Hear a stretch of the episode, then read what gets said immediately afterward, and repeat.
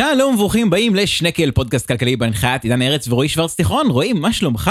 איתי טוב, ונראה לי המאזינים שלנו יהיה עוד יותר מפתיע היום, כי עכשיו התפרסמה טיוטת חוק ההסדרים לשנת 2022. וואו! כן, כן. עכשיו, זה האמת- המקבילה שלנו לאיזה גמר של איזה משחק כדורגל או משהו כזה? אשכרה לא, באמת, זה- ממש האנגליה נגד אה, נגד איטליה שלנו, זה זה משרד האוצר נגד כל השאר בגדול. כן, אני חרפתי אתמול באנגליה נגד איטליה, אני לא יודע מה איתך. הבנתי, אני, אני, אני, אה, חבר הצליח לשכנע אותי אה, לצפות, אה, לצפות בכל זאת, ו- ומה ששאלתי את כל השאלות הקלאסיות, כולל מה זה נבדל. לא, די, נו, עשית את זה, אתה באמת, אתה יודע מה זה נבדל. עכשיו, עכשיו אני יודע מה זה ידעת נבדל. גם קודם. לא, לא ידעתי גם קודם. באמת? באמת?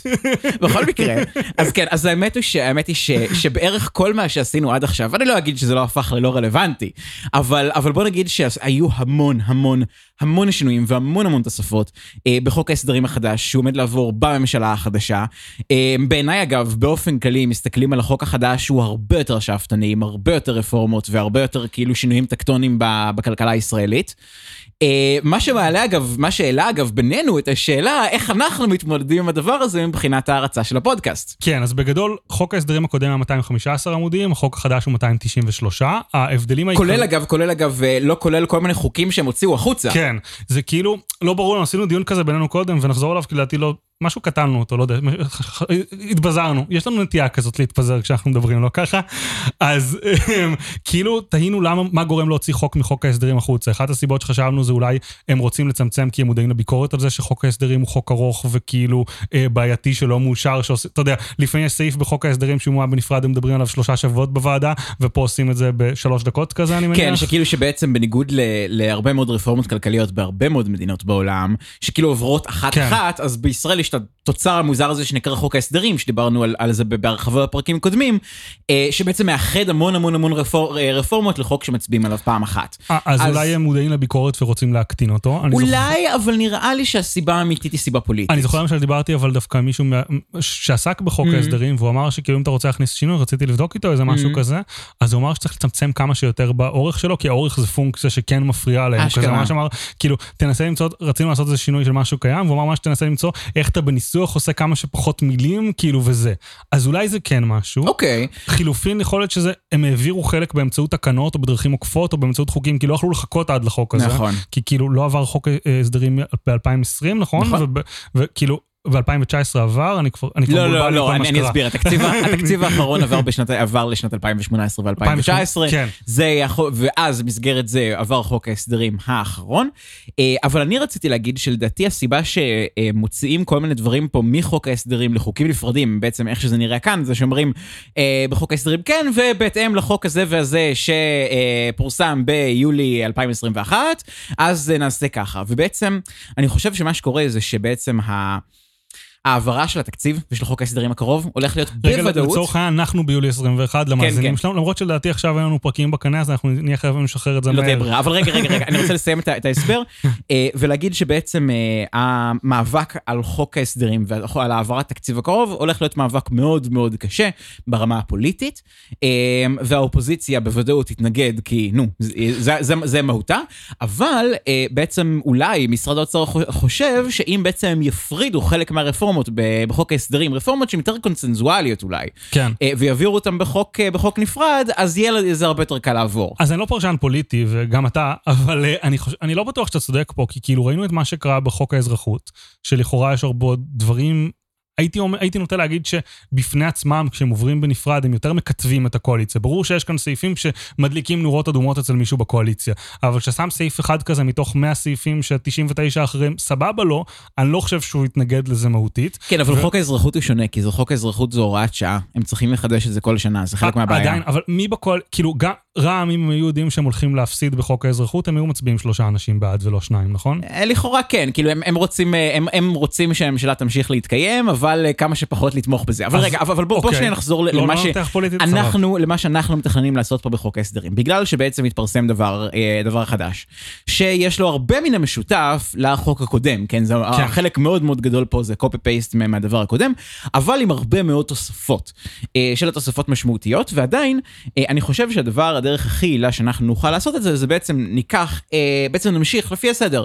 החל, החל בדיוק מאיפה שעצרנו, הנושא הקרוב... אה, ב- בגדול, חוק ההסדרים החדש הוא פלוס מינוס באותו סדר של חוק ההסדרים נכון. הקודם מבחינת נושאים. יש נושאים שהצטרפו שלא היו בקודם, אבל בגדול, אם זה עובר תחת איזשהו בסיס של כזה משרדים או תחומי אחריות, אז התחומי האחריות פחות או יותר מסודרים באותו סדר בשני החוקים, החדש והישן. ואנחנו עצרנו פעם קודמת בתקשורת, שהסעיף פה של תקשורת של חוק ההסדרים החדש, סתם כדי שניתן ככה תחושה למאזינים שלנו, אז הסעיף אה, של תקשורת בחוק ההסדרים החדש כולל שלושה תתי סעיפים. תוכנית לאומית לקידום צמיחת ענף ההייטק והמו- והמובילות הטכנולוגית של מדינת ישראל, רפורמה בשירותי הדואר בישראל וקידום פריסת תשתיות תקשורת מתקדמות והפחתת החשיפה לקרינה בלתי מעניינת, מה קוראים אותו 5G אני חושב. מהמם.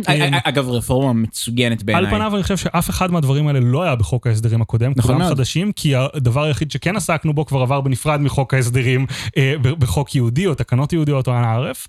אז בגדול אנחנו לא הולכים לחזור אחורה היום, אלא הולכים דווקא להתקדם קדימה.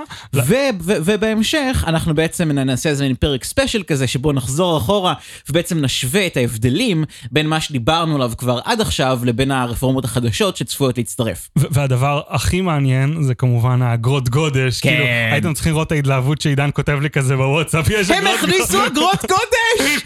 החלום של כל ילד קטן זה חוק הסדרים, אגרות קודש. לא רק זה, הם גם עושים, רפורמות בארנונה ומלא דברים נורא, מלהיבים. בדיוק ראיתי את הפרק שוב של איך פגשתי את אימא, שכאילו אוקיי. טד עוזר אה, לרובין ובארני לתכנן את החתונה שלהם. ספוילר, למי- טוב, זה יצא לפני איזה עשר שנים, תתמודדו. אה, קיצר, אז הוא כזה מוציא binder, כזה קלסר כזה, כאילו, של כזה דברים, אה, אה, עוגות רק, על כאילו סוגים של עוגות. תקשיב, תקשיב, אז לכל תקשיב. אחד מאיתנו יש קלסר על אגרות גודש. כן, לא, האמת- האמת שאתה אומר את זה, ואני אשכרה מתחתן עוד איזה חודשיים וחצי, אז זה כאילו... it's been ה binder הזה, כאילו, הקלסר, כאילו... אנחנו עושים בכוונה אירוע מאוד קטן ומאוד מינימליסטי, וזה לא מאוד רחוק מזה. זה כאילו, זה, זה, זה הגיע למצב שארוסתי כאילו מגיעה אליי ואומרת לי, הם הכריחו אותי להחליט מה יהיה הצבע של המפיות. לבן קרם, אה, אגב. טוב טוב לדעת, טוב כן, לדעת. כן, לא, לא, לא, המפות סליחה יהיו בלבן קרם, המפיות יהיו ב- ב- בצבע ירוק כלשהו. הבנתי. מה, זה theme כאילו של המפות בצבע ירוק? אה, ל- לאף אחד לא אכפת. הבנתי, אוקיי. בכל טוב מקרה. לדעת. אבל לא, אבל זה הקטע, לאף אחד לא אכפת, אבל מישהו עדיין צריך לקבל את ההחלטה לגבי זה, אני אתה זוכר מבין? שאיזושהי חברה אמרה לי שלא אכפת לה, וכזה ניסתה להגיד לאולם כזה, תבחרו מה שבא לכם, והם פשוט לא, לא. היו אינקייפבל לעשות, הם כאילו לא לא רגילים לזה, אין להם מושג איך לעכל כזה, שאתה, כזה מה שבא לכם, כאילו. זה זה כזה, מה עושים בסיטואציה כזאת? כן, אתה מבין? זה למה צריך כאילו רגולציה, כי אנשים פשוט לא- לא. יודעים. לא לא יודעים. לגמרי, אז- צריך לעשות צבע מפיות דיפולטיבי. בכל מקרה. אז בחזרה, בחזרה לחוק ההסדרים. אז אנחנו בעצם עכשיו הולכים להמשיך כרגיל, פחות או יותר, פשוט מהמם. בחוק החדש. אם סיימנו אותו בעמוד לדעתי, אה, מה זה היה? מה זה משנה? 88 מתוך 215, בחוק החדש אנחנו הולכים לדלג לעמוד 152 מתוך 270 293, 293, מהמם. ואז נעשה איזשהו יום מרתון, פרק, כמה פרקים, אני לא יודע, נראה איך נסגור את כן. זה, שכאילו חוזרים אחורה ובודקים את כל הדברים שלא עדכנו אחורה, בתקווה בפרק אחד, בתקווה כיף, אולי עם אורח עומר מואב, שאני לא מצליח לדמיין מישהו אחר להביא לאגרות גודש. לגמרי. בכל מקרה, אז, אז באמת הנושא, הנושא הקרוב שאנחנו הולכים עכשיו, עכשיו, מיד עכשיו לדבר עליו, זה הנושא אה, של הגברת השקיפות בתקציב מערכת הביטחון. וכמו שאתם וואו. זוכרים, אמרנו לכם שבחוק הקודם בכלל לא היה מערכת לא, הביטחון. לא היה קיים. לא, לא, לא היה שום אגב, שזה עוד. אחד, אחד מהסימנים לשאפתנות הרבה הרבה יותר גדולה של אה, משרד האוצר בחוק הזה. אני חושב שמה שקורה שם מהפרספקטיבה האוצרית, אה, בוא- בוא נגיד את זה ככה, אז דווקא בגלל שהתחלפה הממשלה, ובעצם התחלפו קבוצות הלחץ, כן, יש קבוצות אה, לחץ שיצאו וקבוצות לחץ חדשות שנכנסו, אז משרד האוצר בעצם כאילו שולף את כל התוכניות, אה, בוא בוא נקרא לזה בעומק המגירה, כן, ככל, ככל חוק הסדרים שולפים חוקים מהמגירה, אז הפעם כן. זה עמוק יותר מהמגירה, דברים שכאילו הם תמיד תמיד רצו אם להעביר. אתה תגיע לחלק של בעוד פרק הבא כנראה בישראל דיגיטל, אתה תראה זה לא מעומק המגירה, זה תכף יהיה מעומק הענן. או-אה, כן, כן. זהו, אה, אה, אה, אבל המטאפורות הולכות להישאר כמו שהסמל של השמירה במחשב זה עדיין דיסקט. וואו, כן, זה, זה, זה כאילו מה שמבדיל בין מי שנולד ב nineties למי שנולד אחר כך, לא משהו כזה. כן, כן. בכל מקרה, אז, אז בעצם, אה, הם, אז בעצם אחד הדברים הגדולים והמשמעותיים שלא התעסקו בהם קודם וכן הולכים להתעסק בהם עכשיו, זה השקיפות בתקציב מערכת הביטחון. עכשיו, במצגת אה, של חוק ההסדרים, ש, שבעצם אה, נשלחה... לפ- לפני כמה ימים בעצם פורסמה מצגת שהייתה כאילו אמורה להיות הדברים הגדולים בחוק כן, ההסדרים. ו- ו- וזה מה שאנחנו עכשיו הולכים אה, להשתמש בו, זו הטיוטה המלאה שבעצם, אה, ממש כמו הדברים, כמו מה שהשתמשנו בו עד עד עכשיו. כמו שאמרנו, אנשים רציניים שמים דברים בהערות הפרק, אז הפעם נשים בהערות הפרק את חוק ההסדרים הישן והחדש. רגע, משהו שכן חשוב להגיד לנו, כל מה שאנחנו מדברים עליו זה טיוטה. יכול להיות הרבה שינויים בממשלה, יהיו הרבה שינויים, בכנסת. וזה ספציפית אה, מוע- מועד לשינויים, כי הדבר הזה, זה, זה אם יותר להשתמש בסלנג צבאי, זה טיל מונחה אה, לעבר אה, משרד הביטחון. אז דווקא אני חושב שזה איזשהו כזה אז פיצוץ. רגע, אז- אז טוב, אני- בוא אני- נדבר על מה יש פה בסעיף. אז כן, אז, אז קודם, קודם כל, מה אין בו, כי, כי זה כן. וכן יש משום מה במצגת חוק ההסדרים. שוב למאזינים, תחת הכותרת של שקיפות בצה"ל, בתקציב צה"ל, בגדול. כן. אה, אז בעצם אה, אה, במצגת היה סעיף מאוד מאוד משמעותי של בעצם להכניס נציג של אגף תקציבים במשרד האוצר לדיונים של בעצם של תקציב ביטחון. עד עכשיו לא היה. ומשרד הביטחון יכל למשל לחלק אה, פנסיות ותוספת הרמטכ"ל ותגמולים למשרתי קבע וכל הדברים האלה בלי לשאול אף אחד. לדעתי התוספת הרמטכ"ל היום בבג"ץ או משהו, לא? או שאני מדבר? יכול להיות, אבל בכל מקרה, או, או, או, מנסים גם לשנות את זה בדרך המלך. ו... אבל משום מה הדבר הזה לא מופיע כאן בטיוטה, אז אולי זה נפל בארבעה ימים האחרונים, כן? אה, יכול אבל- להיות שהמצגת שראינו זה היה מין בלון ניסוי כזה, לראות אולי. כאילו למה יש הכי הרבה התנגדויות, ולהסיר את זה. יכול להיות, אבל מה שמופיע כאן זה דברים קצת שונים. Uh, הדבר הראשון שמופיע זה בעצם, uh, בעצם שהולכים לשקף הרבה הרבה יותר מידע והולכים להביא לאישור של הממשלה עצמה פרויקטים ביטחוניים גדולים במיוחד. מה זה פרויקטים ביטחוניים גדולים? אלה פרויקטים ביטחוניים שהעלות הכללית שלהם, רב-שנתית, היא מעל 300 מיליון שקל, או uh, 100 מיליון שקל uh, בשנה ומעלה. זאת אומרת, כל רכש, אם עכשיו הולכים לקנות, נגיד, למשל, צוללות, כן. אה, נגיד, ל- למה בחרת דווקא בדוגמה הזאת, לא? יודע, אתה יודע, זה מין כלי שיט נורא יקר כזה, אה, אה, שצריך לייבא אותו מחו"ל, ויש כל מיני עסקאות, אתה יודע, אולי צריך לבדוק את זה. הבנתי. בכל מקרה, לא קשור למשהו לא, שקרה לא, לא. במדינה, אוקיי, סבבה. אז נגיד רוצים לקנות צוללות, אוקיי. אה, אז בעצם, יהיה חייבים אה, להעביר את הדבר הזה, אה, לא, זה נורא מצחיק, הם מציינים אה, בתקציב שנתי, במטבע מקומי או זר, הם מדגישים את זה במיוחד. לא, אז אז מה שקורה כאן בעצם אומרים שכל פרויקט של מעל 100 מיליון שקל בשנה במשרד הביטחון, או 300 מיליון שקל טוטל? אה, ב- ב- ב- בשלוש שנים, אני חושב, או בתקציב רב-שנתי. תקציב רב-שנתי, כן. אה, אז יהיה חייב אישור של השרים. נכון. עכשיו, יש כאן כמה כוכבויות כאלה ששווה לדבר עליהן.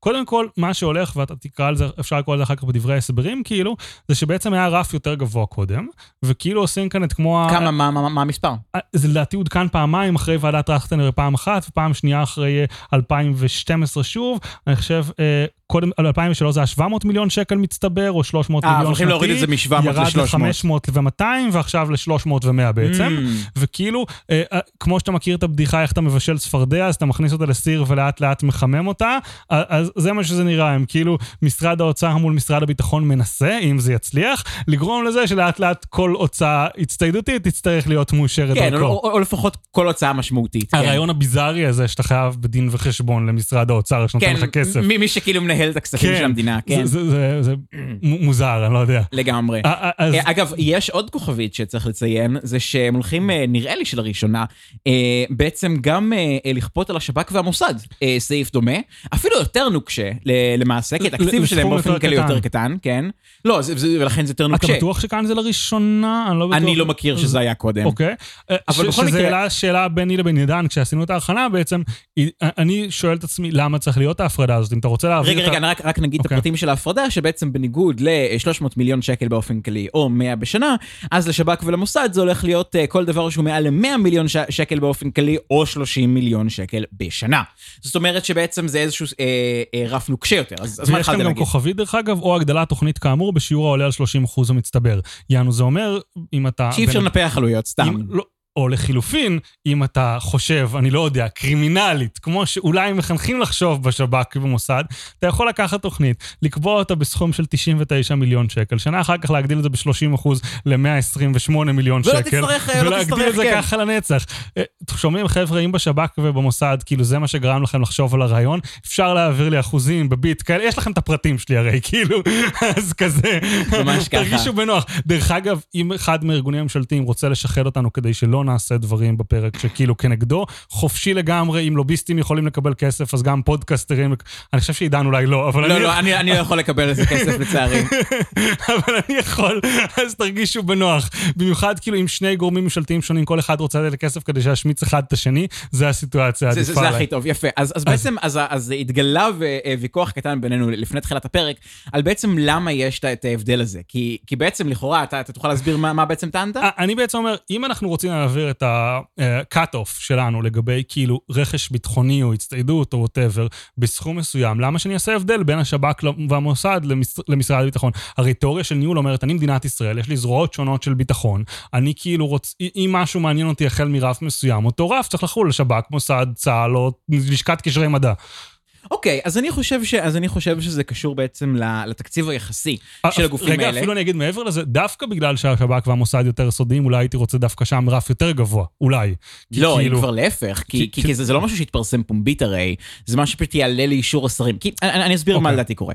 הרי התקציב של השב"כ והמוסד הוא באופן טבעי הרבה יותר נמוך מאשר זה של צה"ל, בערך אה, להבנתי מיליארד, מיליארד ומשהו שקל בשנה. אני חושב שניים וחצי, אבל לא בטוח. אוקיי, אבל. בכל, בכל מקרה, סדר גודל אה, מתחת כן. לצה"ל, שיושב היום על אה, כל... כל- 70, 80, תלוי איך אתה מחשב. 70 כולל, כולל הסיוע האמריקאי, אה, 50 ומשהו, לא כולל. כן, אוקיי, אה, עשיתי טעות כנראה. כן. חיסרתי במקום זה. אה, בכל מקרה, ו... אז בעצם, אז, אז, והממשלה רוצה לקבל דין וחשבון על ההוצאות המשמעותיות של הגופים האלה, כן? עכשיו, הוצאה משמעותית עבור צה"ל זה, אתה יודע, בסכום מסוים, והוצאה משמעותית עבור השב"כ והמוסד זה, זה, זה פשוט סכום אז אני אחר. אנסח את השאלה האחרת, אוקיי? אני, נגיד לצורך העניין אתה רוצה לעשות איזשהו שינוי במדיניות, לא יודע, הרכבים או משהו כזה, אז ברור שבצה"ל זה יהיה סכום יותר גבוה מהשב"כ והמוסד. אבל נניח אתה רוצה לרכוש מערכת נשק חדשה, עכשיו זה קצת מוזר כי כאילו למוסד כנראה אין כזה, אבל נניח מערכת סייבר חדשה, whatever או משהו נכון. כזה, אז שם אני לא בטוח שהיה צריך להיות הבדל בין השב"כ והמוסד למשרד, לצה"ל. כאילו, לא, אבל, אבל יש הבדלים, אתה יודע, ב- בין הצטיידות של, של 100 איש להצטיידות של 10,000 איש, כן? גם, השאלה- גם, גם אם זה באותה תוכנה. אבל השאלה אם זה כאילו בדיוק, לא, אז השאלה אם זה התוכנה או שזה כלי חד פעמי או משהו כזה, לא יודע, לא אנחנו יודע. נשאר בסימן שאלה, אנחנו, כן. אני לא יודע מה הולך בתקציב השב"כ והמוסד, יכול להיות Mhm. מעניין כן לדעת מה הולך שם. אוקיי, סעיף הבא. אה, על מנת להג... אה, אוקיי, סעיף הבא זה בעצם אומר, אה, כדי שלא תעקפו את זה ותעשו, תחלקו פרויקט בין כמה מוסדות ביטחוניים שונים ואז לא תצטרכו את הממשלה, אז כאילו אומר שכזה, אה, הגוף שמוציא את רוב הכסף על התוכנית, תחתיו הוא יהיה בקטגוריה בוא'נה, אז הזאת. את קולט שאשכרה ישבו פקידי אוצר באיזושהי ישיבה ואמרו, איך משרד הביטחון ינסה לזמבר אותנו? זה אותו חתול ועכבר שראינו לדעתי עם הקטע של אה, קופות החולים, כאילו, נכון. שמוסיפים שם הגבלות שיודעים שיעקפו אותם, ואז מוסיפים עוד הגבלות וזה, וכאילו... כן, כן, וזה זה ממש כאילו, זה, זה מדהים ש... שני גופים של אותה ממשלה ממש מנהלים מאבקים אחד כנגד השני ויודעים שאחד ינסה כאילו לעקוף את השני אה, וזה מאוד אה, וזה מאוד אה, משעשע לראות בסופו את זה. של יום אנחנו נוכל לראות כשעובר רחוק מי מנצח, זה עם המזומנים או זה עם לגמרי. האקדחים. לגמרי, כן. לא, זה, זה, זה הארנק ו- ו- והחרב, מה שנקרא. יפה. אה, עוד דבר, אה, זה אוקיי, אחר שבעצם... כך זה עוד תיקונים זה- למה זה- יוגדר כמיזם ביטחוני וכאלה שטויות, נדלג על זה אני חושב, ואז אנחנו מגיעים לסעיף שעורר עוד שאלות אצלנו, אני חושב קודם. בעצם היה כאן סעיף שעידן דילג על ההתחלה שלו, וזה היה נראה סעיף מדהים, פתאום משרד הביטחון יחויב בשקיפות מינימלית, נניח כמה אנשים הוא מכריח להתגייס כל שנה וכאלה דברים. כן, אה? ואז קראנו את זה שוב, וראינו שהוא יצטרך לדווח על כל מיני דברים כמו אה, התקדמות מיזמים ביטחוניים, מלאי הפרטים הנמצאים בבקרת המטה הכללי של צבא ההגנה לישראל, כלי לרבות טיס, כלי שיט, כלי רכב, חימוש, מערכות תומכות לחימה ובעצם כל הצטיידות היקף משמעותית. התחייבויות כספיות של משרד הביטחון לשנים שלאחר שנת התקציב בה מועבר הדיווח, נתונים בדבר גיוס חובה, תכנון וביצוע של ימי המילואים אה, וכל מיני כאלה, ואז אתה רואה שאת כל זה הוא יחויב לדווח בעצם לקבינט. כן, שהוא שהוא כמובן גוף סודי, זה לא ישוחרר לציבור. אבל עזוב את זה, כאילו, גם עולה השאלה, מה דווח לקבינט עד כה, כאילו? זהו, מאיפה הם השיגו את המידע כן. שלהם? זה כזה, היי, תגידו, צה"ל, כמה חיילי חובה יש בצה"ל? תחוקקו חוק אם אתם רוצים, אנחנו יכולים לתת לכם את המידע הזה. כן, אז אז אשכרה הולכים עכשיו לחוקק חוק שיכריח, מסתבר, את צה"ל לדווח לבוסים איך שלו... ראש הממשלה כאילו שואל אותם, כאילו, אני לא מבין, באמת אני לא מבין מה הולך פה. אם יש לנו, אה, אה, אם יש לנו ברצינות רגע? מאזינים ממשרד הביטחון או האוצר שמבינים את הסעיף הזה, אז צרו אני איתנו חושב, רגע, קשר. רגע, תן לי שנייה לשער אה, משהו, טיפה יותר ללמד זכות, ואני חושב שבעצם אה, עד עכשיו היה צריך, צריך לבקש מהם במיוחד, והחל מהיום בעצם יצטרכו להעביר דוחות מסודרים בצורה קבועה. זאת אומרת שכאילו שלא הממשלה תצטרך לרדוף אחרי, אה, משרד הביטחון שיביא נתונים, אלא, שנגיד כל איקס זמן הממשלה תקבל דוח כאילו מסודר. אני מבין את זה, אבל מה שחשוב להבדיל- לזכור שאנחנו לא תמיד זוכרים במדינה, אני חושב שגם הרבה מחוק ההסדרים מנסה להכחיש את זה, Mm-hmm. שיש הבדל בין תקנות ממשלתיות לבין חקיקה של הכנסת. ולכאורה משהו בין הגופים בממשלה, תעבירו את זה תקנת ממשלה מספר 3070, לא יודע מה מה המספור הנוכחי, וכאילו תפתרו את זה ביניכם, למה אתם מטרידים את בית המחוקקים כדי לפתור דברים בין רשויות שונות שתחת שליטה מלאה של הממשלה? כן, אה, אה, אם תהית החלטה מספר אה, 4088. זה האחרונה? אה, בנושא הזה, כן. אה, אוקיי, טוב, בסדר גמור. אמ, ולהטיל על מנכ"ל, סעיף 5, להטיל על מנכ"ל משרד הביטחון, להעביר למשרד האוצר החל מיום ראשון בינואר 2022, דיווח חודשי בדבר ביצוע כמויות שלהלן, שיא כוח אדם, עבודה בלתי צמיתה, שעות נוספות, החזר הוצאות רכב, כוננות ושעות העסקת סטודנטים, כפי שמדווחים כלל משרדי הממשלה. יעני להכפיף את, אה, את משרד הביטחון לאותם סטנדרטים בסיסיים כלפי הממשלה, שבעצם מחויבים אליהם אה, משרדים אחרים. בהיבטי כוח אדם, אה, דרך אגב, זה לא, זה, זה לא אומר שום דבר על פיקוח, זה רק לדעת מה הולך שם, כן. כאילו זה כזה הצצה וואו. לתוך הקופסה השחורה בלי יכולת לשנות אותה כזה, כאילו. כן, אבל אני מניח שהם הקבינט המדיני-ביטחוני, אז כאילו, אתה יודע, אם מישהו יכול לשנות את זה. כן, לא, אבל זה ספציפית למנכ"ל משרד האוצר, אז כאילו, Mm. הוא, הוא יוכל לדעת כמה אנשים יש בצה"ל. לדעתי הוא פשוט צריך לשלם לאיראנים או משהו כדי לקבל אשכרה, את זהו, זה. בדיוק. זהו, ל- ל- לפחות, אה, לפחות שזה יהיה, כן, וואו. אוקיי, אה, אז אוקיי, נקסטוש. הסעיף הבא הוא סעיף מרגש, הוא סעיף ממש ממש מגניב. אה, אנחנו עוברים לביטחון פנים, והסעיף הבא זה איזון ושיפור מערך הרגולציה ברשות הכבאות וההצלה.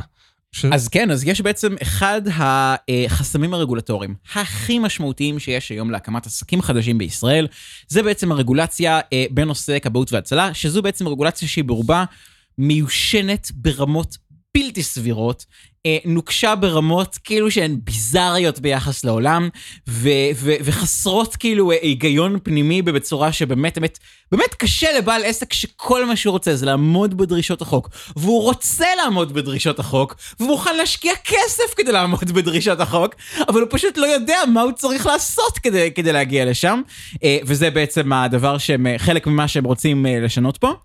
אז, אה, אז הדבר היותר מעניין פה בעצם זה שכל רגולציה, הם עשו כאילו מנגנון שכל רגולציה קיימת אה, בכבאות תצטרך, תהיה מבוטלת עד 2026, בחוק הישן שהיה אמור לעבור במקור ב-2020, זה היה עד 2023 לחלק מהרגולציות ו-2025 לחלק אחר. דחו את זה ל-2026 כי למדינה שלנו יש מדיניות כזאת של לדחות דברים ולא לעשות אותם כן, בזמן. אבל, אבל, אבל, אבל- אבל העיקר פה בעיניי הוא השינוי פרדיגמה. כן. זאת אומרת, מה הבעיה? יש ברגולציה אה, מונח שנקרא אה, עריצות הסטטוס קוו, אוקיי? מה זה אומר אה, עריצות הסטטוס קוו? זה אומר שבעצם רגולציה היא בנויה לך כשכבות על שכבות על שכבות על שכבות של כל מיני אה, חקיקה ופסיקה ותקנות ו- ותקדימים וכן הלאה. וזה שמשהו כבר נמצא שם, הופך, הופך אה, לשנות אותו למאוד מאוד קשה. כן. זאת אומרת, קל מאוד להוסיף עוד משהו, אבל מה שכבר נמצא שם, אז, אז אתה צריך כאילו לפעול אקטיבית כדי לעקור אותו, מ- גם אם גם עברו 30 שנה וזה נהיה חסר כל רלוונטיות. אז בעצם, הם מנסים כאן להפוך את, להפוך את היוצרות, להפוך את הדבר הזה על ראשו, ולהגיד ל- לרשות הכבאות דבר נורא נורא פשוט. כל הרגולציות הולכות עכשיו לעבור review. כן. זאת אומרת, כל מה שאתם לא תאשרו אקטיבית, כל מה שלא לא באמת חשוב לכם, הולך להיות מבוטל אוטומטית.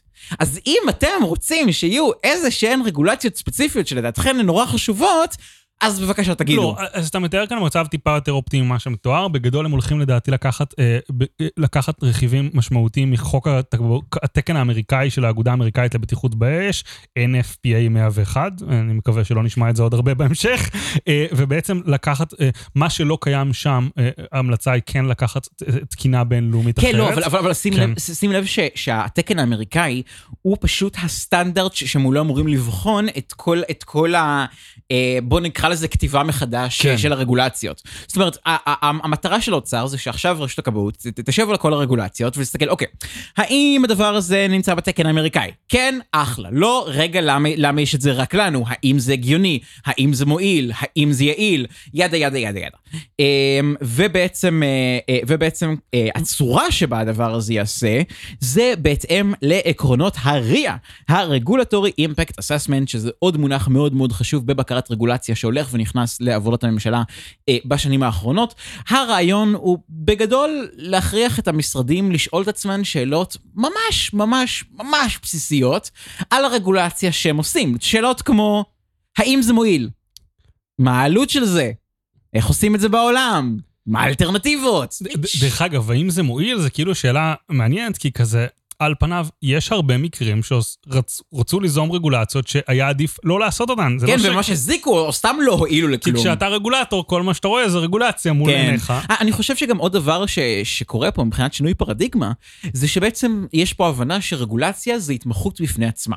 למה הכוונה? אה, נגיד, נגיד אני עכשיו אה, אה, פקיד של משרד הבריאות, כן?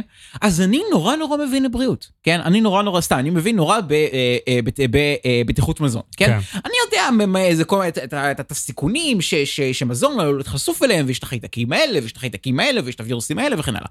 אה, אבל לכתוב את, את הדרך הספציפית שבה נאכוף את זה בצורה שתהיה מצד אחד אפקטיבית, מצד שני לא תטיל עלות מוגזמת על העסקים בצורה שפשוט לא תאפשר להם לקום, זו התמחות אחרת לגמרי. אבל, אבל זה בדיוק העניין, אני חושב, למה עושים צוותים שיש בהם גם רופאים וגם כלכלנים ודברים כאלה.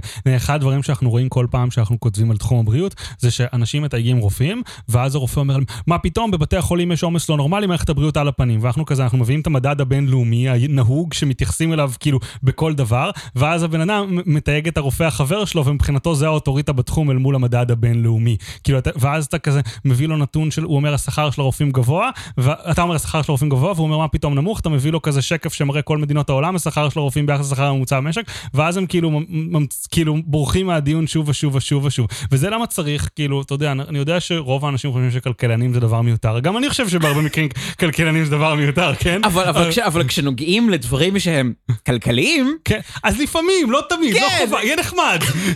כן, לגמרי. אז, אז, אה, אז, בעצם, אז בעצם הרעיון הוא שזה בעצם משתלב במארג הכללי של הרפורמה הגדולה ברגולציה שהממשלה הזאת רוצה להעביר. בעצם רוצים לקחת את, אה, את האגף למדיניות רגולציה, שבעצם זה, רפורמה שעוד התחילה עוד אי אז בימי בנימין נתניהו, זוכר אותו? היה ראש ממשלה כזה. משהו, שר היה, יראה אני לא כן, זוכר. כן, היה, היה משהו כזה. אז, כן. אז כבר ב-2018 זה בעצם העביר, אה, העביר רפורמה ברגולציה, שהקים את האגף למדיניות רגולציה במשרד ראש הממשלה, שהוא, זה בעצם איזשהו סינכרון עם המקובל אה, בעולם, והמטרה היא בערך אה, לעשות רגולטור על. בעצם איזשהו גוף שהמומחיות שלו היא רגולציה. ואז כולנו נסבול מבדיחות אינטרנט משעממות של "אה, צריך רגולטור לרגולציה. כן, אבל האמת שכן, באמת צריך רגולטור. ברור על- שצריך רגולטור לרגולציה, אבל הבדיחות האלה... כן, הבדיחות כל כותבות את עצמן, כזה, כן. כאילו. ו- ובעצם הרעיון הוא שהם יתכללו ו- ו- וירכזו את כל ה... אה, את כל הרגולציות השונות של משרדי הממשלה, שיכולות להיות או לא מתואמות אחת עם השנייה, או סותרות אחת את השנייה, אמ, או, או בעצם כאילו יושבות על, אה, על איזשהו בסיס כלכלי רעוע, ובעצם להכריח אותם לשבת תחת אה, קורת גג אחת, יש גם עוד סעיף של שולחנות עגולים, של אשכרה להפגיש בין המנכ"לים של המשרדים, מסתבר שלא עשו את זה עד עכשיו. רגע, הם יהיו חייבים פיזית או שזה יצטרך להיות בזום? אני, אני משער שיהיה אפשר לעשות את זה בזום, זה אגב עוד רפורמה ש- זה שרוצים תכף נגיע להעביר. לזה אולי בפרק כן. הבא. אמ, אבל בכל מקרה, וזה בעצם עוד, אה, עוד נדבך של, של אותו שינוי פרדיגמה ושינוי אה, פילוסופיה בכל ההתייחסות לרגולציה. הדבר אז- הזה, רגע, רגע, הדבר הזה הוא נקרא אה, רגולציה חכמה, שזה בעצם, או טיוב רגולציה, שזה מהלך ש, שבעצם כל העולם המערבי עושה בפחות או יותר 30 שנה האחרונות. זה מאוד חזק בארצות הברית, זה מאוד חזק בבריטניה, זה מאוד חזק בהרבה מדינות מערביות ומתקדמות, ואנחנו כרגיל מגיע לפרובינציה, יודע, קצת באיחור, אה, אבל נו, עדיף מאוחר מאשר, אה, מאשר לעולם לא, ואני מאוד מאוד אה, שמח שהדבר הזה אז- מתחיל לעבור. אז כאן שני דברים שהייתי רוצה להגיד, זה אחד שהם בעצם נותנים לרשות הכבאות פחות או יותר יד יחסית יותר רחבה לעשות את זה, אלא אם כן משהו עולה מעל עשרה מיליון שקלים בשנה עלות של רגולציה, עלות המשקית של רגולציה. אגב, ואז- אגב, שים לב, ו- הם מתחילים ו- למדוד עלות כן. משקית של רגולציה, זה לא היה קודם. אבל הם הקימו גוף שמעניין, כאילו אם זה מעל עשרה מיליון, הכבאות צריכה ללכת אליו, אבל אם אני מבין נכון כאן את הסעיפים, אם אותו גוף חושב שרגולציה שהכבאות עשתה היא בעלות של מעל עשרה מיליון שקל לשנה, הוא יכול גם למשוך את הרגולציה אליו, יענו. לא יכול להיווצר מצב שהכבאות אומרת, לא, זה תשע וחצי, עזבו אותי, כן. והוא מעריך שזה שלושים, וכאילו, ו- וזה. ויש גם פה, עוד סעיף מעניין, שימו לב, אני אקריא. אמ, בהיעדר הסכמה בין השר לביטחון הפנים ובין שר האוצר בנוגע להנחיות מקצועיות בעלות השלכה כלכלית, יכריע בדבר תוכן ההנחיות המקצועית ראש הממשלה.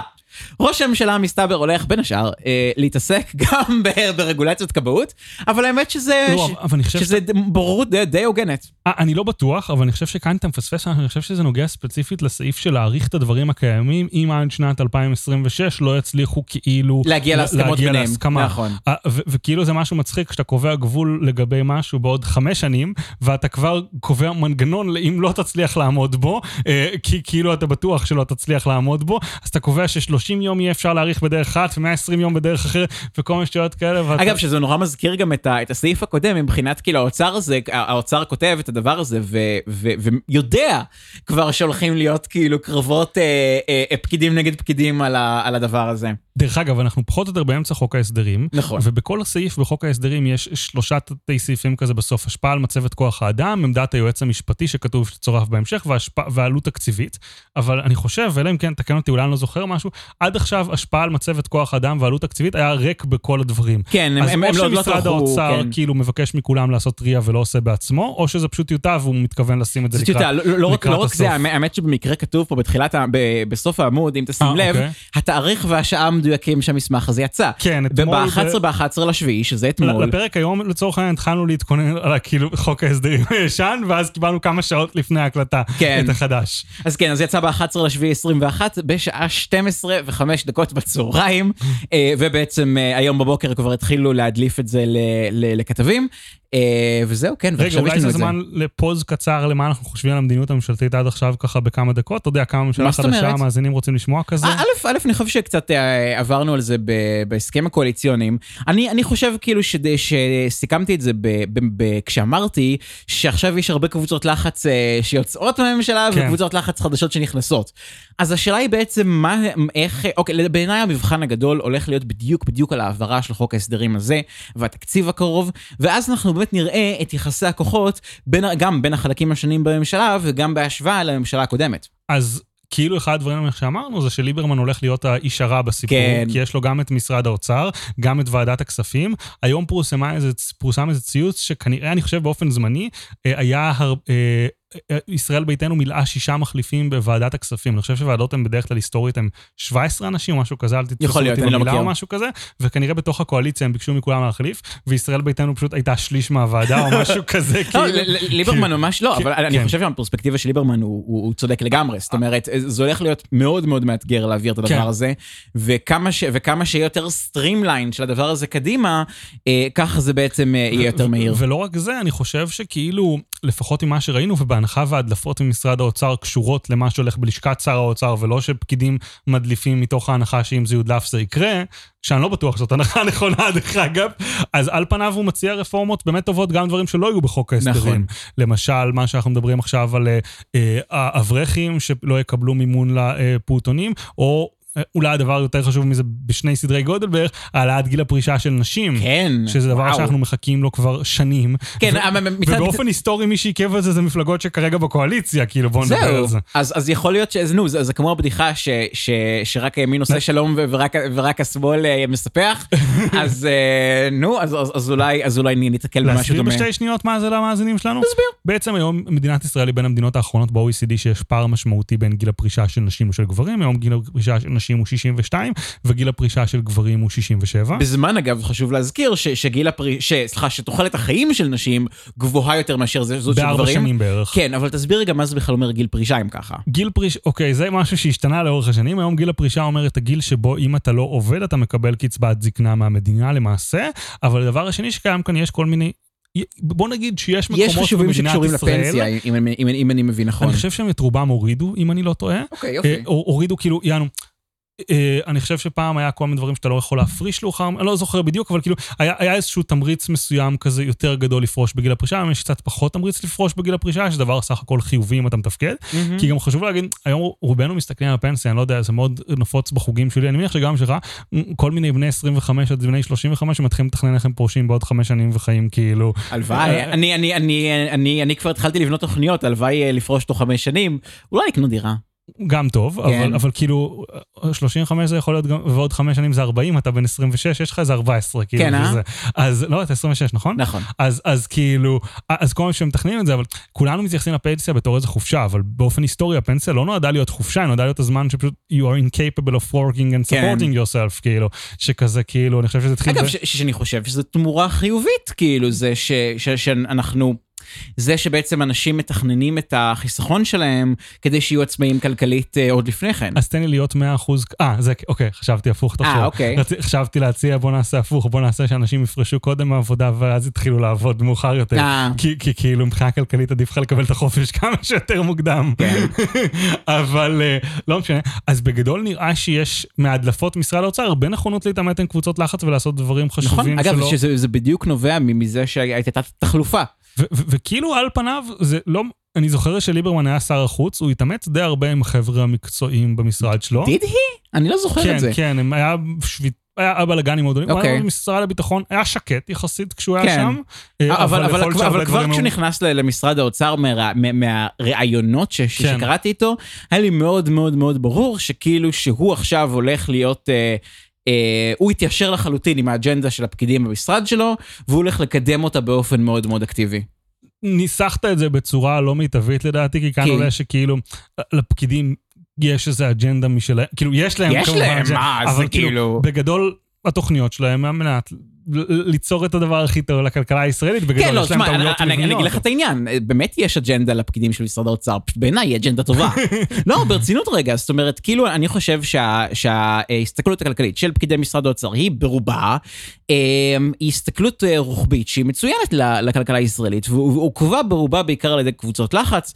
אה, אגב, זה לא הסתכלות, בניגוד לסטריאוטיפ, זה לא הסתכלות שהיא אגב, אה, לא יודע, אה, אה, אה, ימנית כלכלית ניאו-ליברלית במיוחד. כן. הם, הם, הם, הם באמת במיינסטרים של המיינסטרים הכלכלי, ו, ובאמת ה, זה, מדובר פחות על, אתה יודע, מין ימין נגד שמאל כזה, ויותר של כאילו אינטרס ציבורי אה, רחב מול קבוצות לחץ. שמע, זה מה שקורה כשאתה יוצא ממקום ממשלתי, שהכאילו היחס אליו והכאילו הרמה, מה שזה נותן לך בקורות חיים אחר כך הוא כל כך משמעותי, שאתה שולח לשם את האנשים שהולכים להייטק במקומות אחרים, כן. הטופ של הטופ של תוכניות פק"ם וכלכלה וכאלה. זהו, בניגוד לעכשיו להישאר עד גיל פרישה במשרד נו, לשוויון חברתי, כן. שהם באים לכמה שנים, תפקיד סופר סופר חשוב. אני חושב שכאילו מבחינת ההשפעה, אתה יודע, רק, אה, כאילו, אנשים שם לפעמים ברמה של מנכ"לים משרד ממשלתי, חלק מהגורמים באגף התקציבים, נכון. וזה סופר חשוב וסופר משמעותי. אגב, אה, עוד דבר ש- שצפוי לקרות בערך יום אחרי הקלטת הפרק הזה, אה, אם אני מבין נכון, זה בעצם ה... זה הכנס השנתי ל- ל- לעיתונאים של אה, משרד האוצר. אם אני מבין נכון, זה יקרה, זה יקרה מחר ביום שלישי. קיבלת הזמנה? לא, לא רגע, קיבלתי אנחנו הזמנה. נספר לה- המאזינים שלנו יכול להיות שחלקם לא עוקבים אחריך בפייסבוק, אולי כדאי גם לספר להם את זה. מה, ש- ש- שאני עובד בגלובס? אז כן. כן, אז אני, אז אני עכשיו אה, אה, כתב דאטה ג'ורנליזם, מסתבר, של גלובס, שזה אומר שאני בגדול מתעסק בהכל. באמת, פשוט מה- מהזווית של כאילו של, של, של נתונים ושל, ושל לקרוא דוחות ולהבין אותם, ובגדול מה שאנחנו עושים פה, הרעיון אבל המופרך לעיתון. הזה שיהיה קשר בין כאילו כתבה בעיתון לנתונים. כן, כן, לא, זה קונספט חדשני, באמת, זה, זה, זה נכנס עכשיו לעיתונות הכלכלית, קודם הם אה, לא כל כך היו, לא, לא חשבו שזה דרוש כל כך. לא, סתם, האמת שזה באמת, אה, באמת דבר שהוא, שהוא מאוד מאוד מרגש מבחינתי, ולדעתי הוא גם, אה, לדעתי אני גם אוכל להוסיף עכשיו, גם כבר מתחיל להוסיף ואוסיף עוד הרבה מאוד דברים מעניינים לגלובס, זה חלק מהסיבה שאני כבר לא יכול להיות משוחד יותר על ידי, על ידי כל מיני גורמים חיצוניים. אם השוחד מספיק גבוה, אולי אנחנו יכולים לעשות משא ומתן, אני לא יודע. אבל אני, אני, אני מבקש מהעורכת שלי להתעלם מה, מה, מהדברים שנאמרים פה עכשיו, בכל מקרה.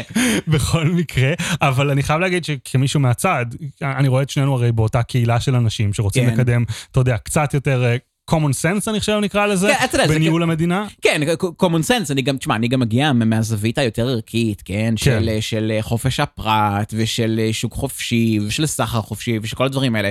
אבל פשוט, אבל חלק מהסיבה שאני תומך בכל הדברים האלה, זה כי זה פשוט אה, מאוד מאוד common sense לא, ברמה הכלכלית.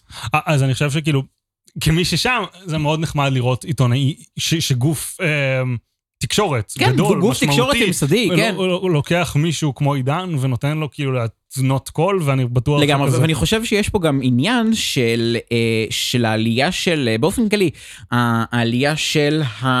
אה, לא יודע, משפיעני רשת, לא יודע איך לקרוא לזה, כן? אבל, אבל בלוגרים עצמאיים, כמו, כמו שבעצם כאילו אני הייתי עד לפני דקה, שבעצם בהתוויית השיח הכלכלי, ואני חושב שאחת ההשפעות של זה, זה שעכשיו גם, גם העיתונות הממסדית יותר רוצים גם את, ה, את הקולות האלה, שזה ממש מגניב לי. אני עדיין מצטער על זה שאני עוסק בכלכלה ולא דוגמן אינסטושות טיק טוק. כן, אה? כן, נראה לי הרבה יותר כיף. בדיוק. אז רגע, הוזמנת לכנס של האוצר? לא, לא, לא, לא אני, באופן אישי לא, אבל, אבל שמעתי, אבל שמעתי ש, שזה מה שצפוי להיות. אגב, זה, לא איזה מידע קונפירם שיש לי מול העיניים, אלא, אלא רק דברים ששמעתי בשלב הזה. אז כאילו אם אתם רוצים שעידן יתחיל לפרגן לכם בפודקאסט, תזכרו את מי צריך להזמין לכנסים שלכם של משרד האוצר. דוגרי, אני לא חושב שיש פודקאסט או משהו כלכלי יותר מפרגן למשרד האוצר מאשר הפודקאסט זהו, כן. בכל מקרה, בואו בוא, בוא, נמשיך. מה, מה הדבר הבא שאנחנו, שאנחנו הולכים להתעסק בו? אז uh, טוב, יש כאן מלא uh, עמודים ריקים עד שאנחנו מגיעים כזה קומק כזה, שטויות מנהלתיות כזה, עד שאתה מגיע... ייעול לת... מערך הכליאה! כן, אוקיי, אז אני חושב שכאילו לייעול מערך הכליאה, מה שאנחנו מדברים עליו, כאילו, אה, ב, אה, צריך לדבר על זה רגע, כאילו, הדבר המשמעותי שקרה בתחום זה שלפני כמה שנים היה בג"ץ של, אני חושב, התנועה אה, לזכויות האזרח או משהו כזה. כן, ש- שבעצם ה- ה- הצפיפות בבתי הכלא כן. בישראל היא כל כך גבוהה, שבעצם תחת הסטנדרטים הבינלאומיים באופן נורא מביך, זה נחשב אה, כליאה תחת עינויים. אה, אה, וואלה, לא ידעתי שזה סיפור. אז כן. אני חושב שגם חלק מזה היה שבעצם טענו ש... הממשלה החליטה לאמץ איזשהו יעד של שטח מינימלי לאסיר מסוים. בדיוק, זאת אומרת, היינו, ב, אה, היינו בעצם אה, אה, על שטח כליאה מינימלי של 3 מטר רבוע לאסיר, ורוצים להגדיל את זה ל-4.5 מטר רבוע לאסיר. אבל אני חושב שהמדינה אימצה את זה כאילו מתקנים חדשים, ואז אמרו כאילו, אגודה לזכויות האזרח, משהו כמו כאילו, היי, תקשיבו, לא מעניין אותנו כאילו מתי בניתם את המתקן, אם מישהו יש לו זכויות אזרח זה כאילו חסר משמעות, כאילו. כן, אז, אז, אז, אז הוא לא הולך לחכות עכשיו 10 שנים עד שתאשרו את התהליכים שלכם. ואגב, וחלק מה, מהמשמעות המשמעות של הדבר הזה זה גם עלייה מאוד ניכרת בעלות של כליאת, אה, של כליאת אסירים, אה, שצפויה לעלות אה, בעקבות הרפורמה הזאת מ-120 אלף שקל לאסיר בשנה ל-200 אלף שקל לאסיר בשנה, עכשיו, שזה המון. כן, אז בעצם הטענה כאן שמשרד האוצר, קודם כל אם היית מסתכל בחוק ההסדרים הישן, כאילו מי שמסתכל על זה, אתה יכול לראות שהם בעצם דיברו על אה, להוסיף קצת שטחים בכל מיני בתי כלא קיימים, להרחיב אותם, איזה שלושה כאלה, וכאן דווקא בחוק ההסדרים החדש הם מדברים על לבנות מתקן כליאה אחד גדול כביכול, סוג של נכון. כזה. כאילו, איך נקראת קונסולידציה אולי תקרא כן, לזה של... מתקן כליאה כן. גדול, מרכזי, יעיל יותר. והטענות שהם בעצם מתקני כליאה שהסנס בלהחזיק אותם, אני לא יודע, בשנים עבר, או בגלל שלאף אחד לא היה אכפת מתנאי מחיה של אסירים אפרנטלי. כן. אמ, אז כאילו, אז פתאום עכשיו, כשאתה צריך להגדיל את השטח שם מפחות משלושה מטר בחלק מהמתקנים לארבע וחצי מטר, קורה שחלק מהמתקני כליאה הם רק 150 עד 300 אסירים במתקן. כן, וזה פשוט לא יעיל. ואז אתה צריך, לא יודע, צוות מינימלי של מרפאה, של כן. רווחה, אגב, אגב, דברים כאלה, mm-hmm. וכאילו פתאום כשאתה עושה את זה על כמות מאוד קטנה של אנשים, זה מאוד מייקר את זה. לעומת זאת, נכון. תבנה מתקן חדש, אתה יכול לכאורה להגדיל משמעותית את הדברים האלה. מה... אגב, עוד דבר שהם רוצים, אה, שהם רוצים לעשות, אני באמת לא רואה את זה כאן, אבל ראיתי את זה במקום אחר, אה, הם רוצים בעצם אה, להפחית את, את, כמות, את כמות האסירים פר סוהר. הפוך, להפחית את כמות הסוהרים פר אסיר. Mm-hmm. זאת אומרת, שיהיה, שלהגדיל את השטח שבו נמצאים, אבל בעצם כדי להפחית עלויות, אז, אז שיהיו בעצם פחות אה, תקני כוח אדם, הם רוצים לעשות אה, ייעול מאוד נרחב ב, בשירות בתי הסוהר, אה, שכרגע הוא, אה, הוא קצת אה, מנופח, כמו, כמו הרבה אה, גופים בסגנון הזה. שמע, זה מעלה לי שתי שאלות ראשונות. אחד זה שאנחנו שומעים ורואים מכל הסדרות טלוויזיה האמריקאיות על מה שקורה שם בבתי כלא, ואתה טועה אם זה כאילו גם קורה בישראל ופשוט פחות מה, אכפת. מה זה, מה זה דברים כאלה? הברחות, סמים, את הבן כן, אדם שאתה יכול כאילו לראות את זה בחדשות מדי פעם. אה, משכבים שלא אמורים לקרות בצורה שלא אמורה לקרות, כאילו... שמע, אני ראיתי כתבה. על סוג המשכב, אלא רק על הדרך בה היא נעשית. שמע, אני אגיד לך מה, אני ראיתי כתבה לא מזמן מאוד מאוד מצחיקה על מישהו שניסה להבריח, איזה, כמה גרמים של קוק לדעתי, או קנאביס, או הדרך משהו, לעשות את זה בישראל היא עם רחפן. לא, אתה צריך להזמין חבר כנסת לכלא שלך, ולגרום לו לשאת את זה. לא, היה. מקרה כזה, היה מקרה אני כזה. מאמין לך, אבל כאילו... אבל לא- לא- לא על סמים, אבל על לא- טלפונים, אבל כן. אה, לא, לזה התכוונתי, אה, ג- אה, באסל גטאס, לא מי זה, או שאני מתבלבל בשם. לא, אחד מחברי הכנסת של בל"ד, אבל אני לא זוכר מי זה, מי אוקיי. זה היה. אז כאילו הבריח פלאפונים כן. לכלא. אז כאילו אתה שואל את עצמך, א', האם הדברים הבאמת קיצוניים שקורים בכלא האמריקאי באמת קורים בארץ ואנחנו לא שומעים כי פשוט אצלנו רק עשירית מהאוכלוסייה ששם בכלא, אצלנו בכלא, או משהו כזה, כי יש להם קטע פסיכי של כמות אוכלוסייה שבכלא. אחוז מהאוכלוסייה שלהם בכלא, זה. ביזאר. מטורף לגמרי. אה, או, והדבר, כאילו, השני שאתה שואל, מה גורם בעצם לעשות מתקן כליאה מבוזר? כאילו, למה ההיגיון הוא לא, כאילו, לא יודע, לעשות מתקן כליאה אחד עצום שיראה כמו איזה טירה כזה מסרט כזה? זה די מה שהם רוצים. לא, זה בחדש. אבל כאילו, בחדש, לא, כן. היסטורית, האם אתה עושה ריבוי של מתקני כליאה מהסיבה שאתה כאילו רוצה שיהיה יותר קל לבקר משפחות אסירים, או שזה לא שיקול, או שיהיה יותר קל Mm. לגייס סוהרים, כי אתה לא רוצה עיר אחת שכל הכלכלה שלה זה בית כלא, או כאילו, מה הסיבה שאין לך בית כלא? כאילו, אני לא שאלה. מצוינת האמת, אני לא יודע, אני חושב שזה גם קשור ל- לעניין של פריסה ברחבי הארץ, כן, רוצים שיהיה כלא בדרום, כלא בצפון, אני מניח שגם רוצים להפריד קצת בין... אה, אסירים ביטחוניים לאסירים רגילים, לא, וכאלה. זה- זה זה בוודאי, זה לא קשור, זה לא נוגעים בזה. בכלל. אה, א', כן, בוודאי, לא, בוודאי שיש כאלה נשים, כאלה גברים, זה דווקא הגיוני ממש. אה, גם הפרדה בין אסירים ביטחוניים לאסירים פליליים הולכת להמשיך להתקיים כרגיל, לא, לא, הרפורמה הזאת היא לא נוגעת אפילו לאסירים אה, ביטחוניים. שהולכים להמשיך לשבת ב... ב... לא, אני חושב אני חושב שדווקא השטח המינימלי הוא גם לאסירים ביטחוניים. איפה אתה רואה את זה? למה אתה אומר, כאילו, אתה רואה כאן משהו שאומר שזה לא נכון לאסירים ביטחוניים? ביטחוניים ופליליים? וואלאק, כן, אז כאילו... וואלאק, כן. אמ, כן, הם כותבים פה ברקע הנתונים, מרבית המתקנים בשירות בתי הסוהר המאכלסים אסירים ביטחוניים ופליליים, ש- שפוטים ועצורים, הם מתקנים ישנים ולא יעילים, חלקם נבנה בימי המנדט הבריטי וחלקם עם קום המדינה. אגב, שיכול להיות שזה בדיוק העניין, זאת אומרת, פשוט דברים שפשוט יש לנו היסטורית, ואין לנו כזה הרבה אסירים, האמת. כן. אז, אה, אז, אז יכול להיות גם שכאילו, בזמנו ידעו לבנות מבנים כמו שצריך, לא כמו היום. כן, משהו, בכל מקרה. אבל בטח חסר להם כזה שקעים לוואי- ל- לתקשורת כזה, בתאים כזה, מעבירים כבלים כזה. ממש. אוקיי, אז, אה, אז בכל מקרה, אז כן, אז בעצם רוצים לעשות אה, קונסולידציה של, של מתקני הכליאה בישראל, ככה שבעצם זה מצב- גם יעיל יותר וגם הומני יותר מבחינת המרחב זהו, שיש יש. מצב שבניין כל כך ישן, אפילו אם אתה מתעלם רגע מזכויות אסירים דברים לא חשובים שכאלה, כן. אז כאילו פשוט מייצר עלויות מוזרות כאלה, כי היום אתה כבר, כאילו עצם הבניין מכתיב נכון. לפעמים את איך שאתה מנהל אותו, כאילו במידה נכון, רבה. נכון. אה, אני בטוח שיש שם- אה, תשתיות מיושנות וכל מיני דברים כיפים כאלה. אוקיי, אז הסעיף, אנחנו תכף נחזור אה, לחלק של הכלייה דווקא בכובע אחר של זה בהמשך כן. החוק, אבל נדבר על זה עוד מעט. נעבור עכשיו למשרד המשפטים, ומשרד המשפטים, בעצם יש לנו עומס מאוד גדול על בתי המשפט בישראל. דיונים לוקחים הרבה זמן, אפילו של ראשי ממשלה בהווה או בעבר. אה, האמת, במיוחד, האמת שאם כבר מכל הדברים בעולם, זה הדבר ש- שצריך לעשות, אתה יודע, שדווקא הגיוני שהוא מתארך, כי רוצים לבחון כל פרט קטנטן שלה מכל זווית אפשרית, כדי שלכולם יהיה ברור שהמשפט היה הוגן. כן ולא, כי זווית אחת היא להגיד, וואלה, אנחנו, מה שאנחנו רוצים למקסם, רגע, זה, זה, זה, זה, זה כאילו את הנכונות ואת הצדק נכון. באירוע, ואז אתה אומר, וואלה, שיימשך 15 שנה, 20, מה שצריך כדי שיהיה רק צדק.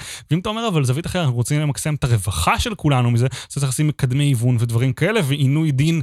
בין אם אתה מתייחס לכעינוי דין של הבוחרים שלו, או שלו עצמו, או של המערכת, או whatever, פשוט משפט ארוך זה המון זמן. אתה יודע מה, תחשוב על זה רק, משפטים של חמש שנים, בטח מתחיל אותם פרקליט אחד במקרים מסוימים. אני מניח שהפרקליט הראשי נשאר כי כאילו זה משהו שאתה שם בקורות חיים, ניהלתי משפט נתניהו, whatever, אבל כאילו הזוטרים, איזה שתחתיו ולא יכולים להתקדם בגלל שהוא נשאר ולא פורש וכאלה, אז כאילו בטח רק החפיפות, יש אנשים שכזה חודשיים שלושה לחפוף אותם על כזה החומר בגלל שהם התחלפו בין לבין וכאלה. זהו, אני אגיד לך את העניין, אני חושב שפה מתייחסים פחות לדברים כמו משפט של ראש לא, הממשלה, ברור. ואני חושב ש... כי- כי זה אני חושב דווקא יוצא דופן. כאן, לא, אתה כן, מבין? ברור, זה מה שבתקשורת שקורה, אבל כאילו מה מה ההיגיון פה, מה שאני חושב, לא יודע אם דיברנו על זה באחד הפרקים הקודמים, אבל בגדול, היום בבית משפט אתה יכול להגיש תביעות, אה, גם שאין בהן הרבה טעם, הסכום שם מאוד קטן, אבל אתה רוצה לברר את זה, ואתה לא מחויב על העלות של הזמן של המערכת השיפוטית. יושב בן אדם, שופט, שאם נשווה את זה למערכות אחרות בחברה, אז כנראה ההכשרה שלו היא כמו הייטקיסט מינימום, כאילו, בן אדם מאוד...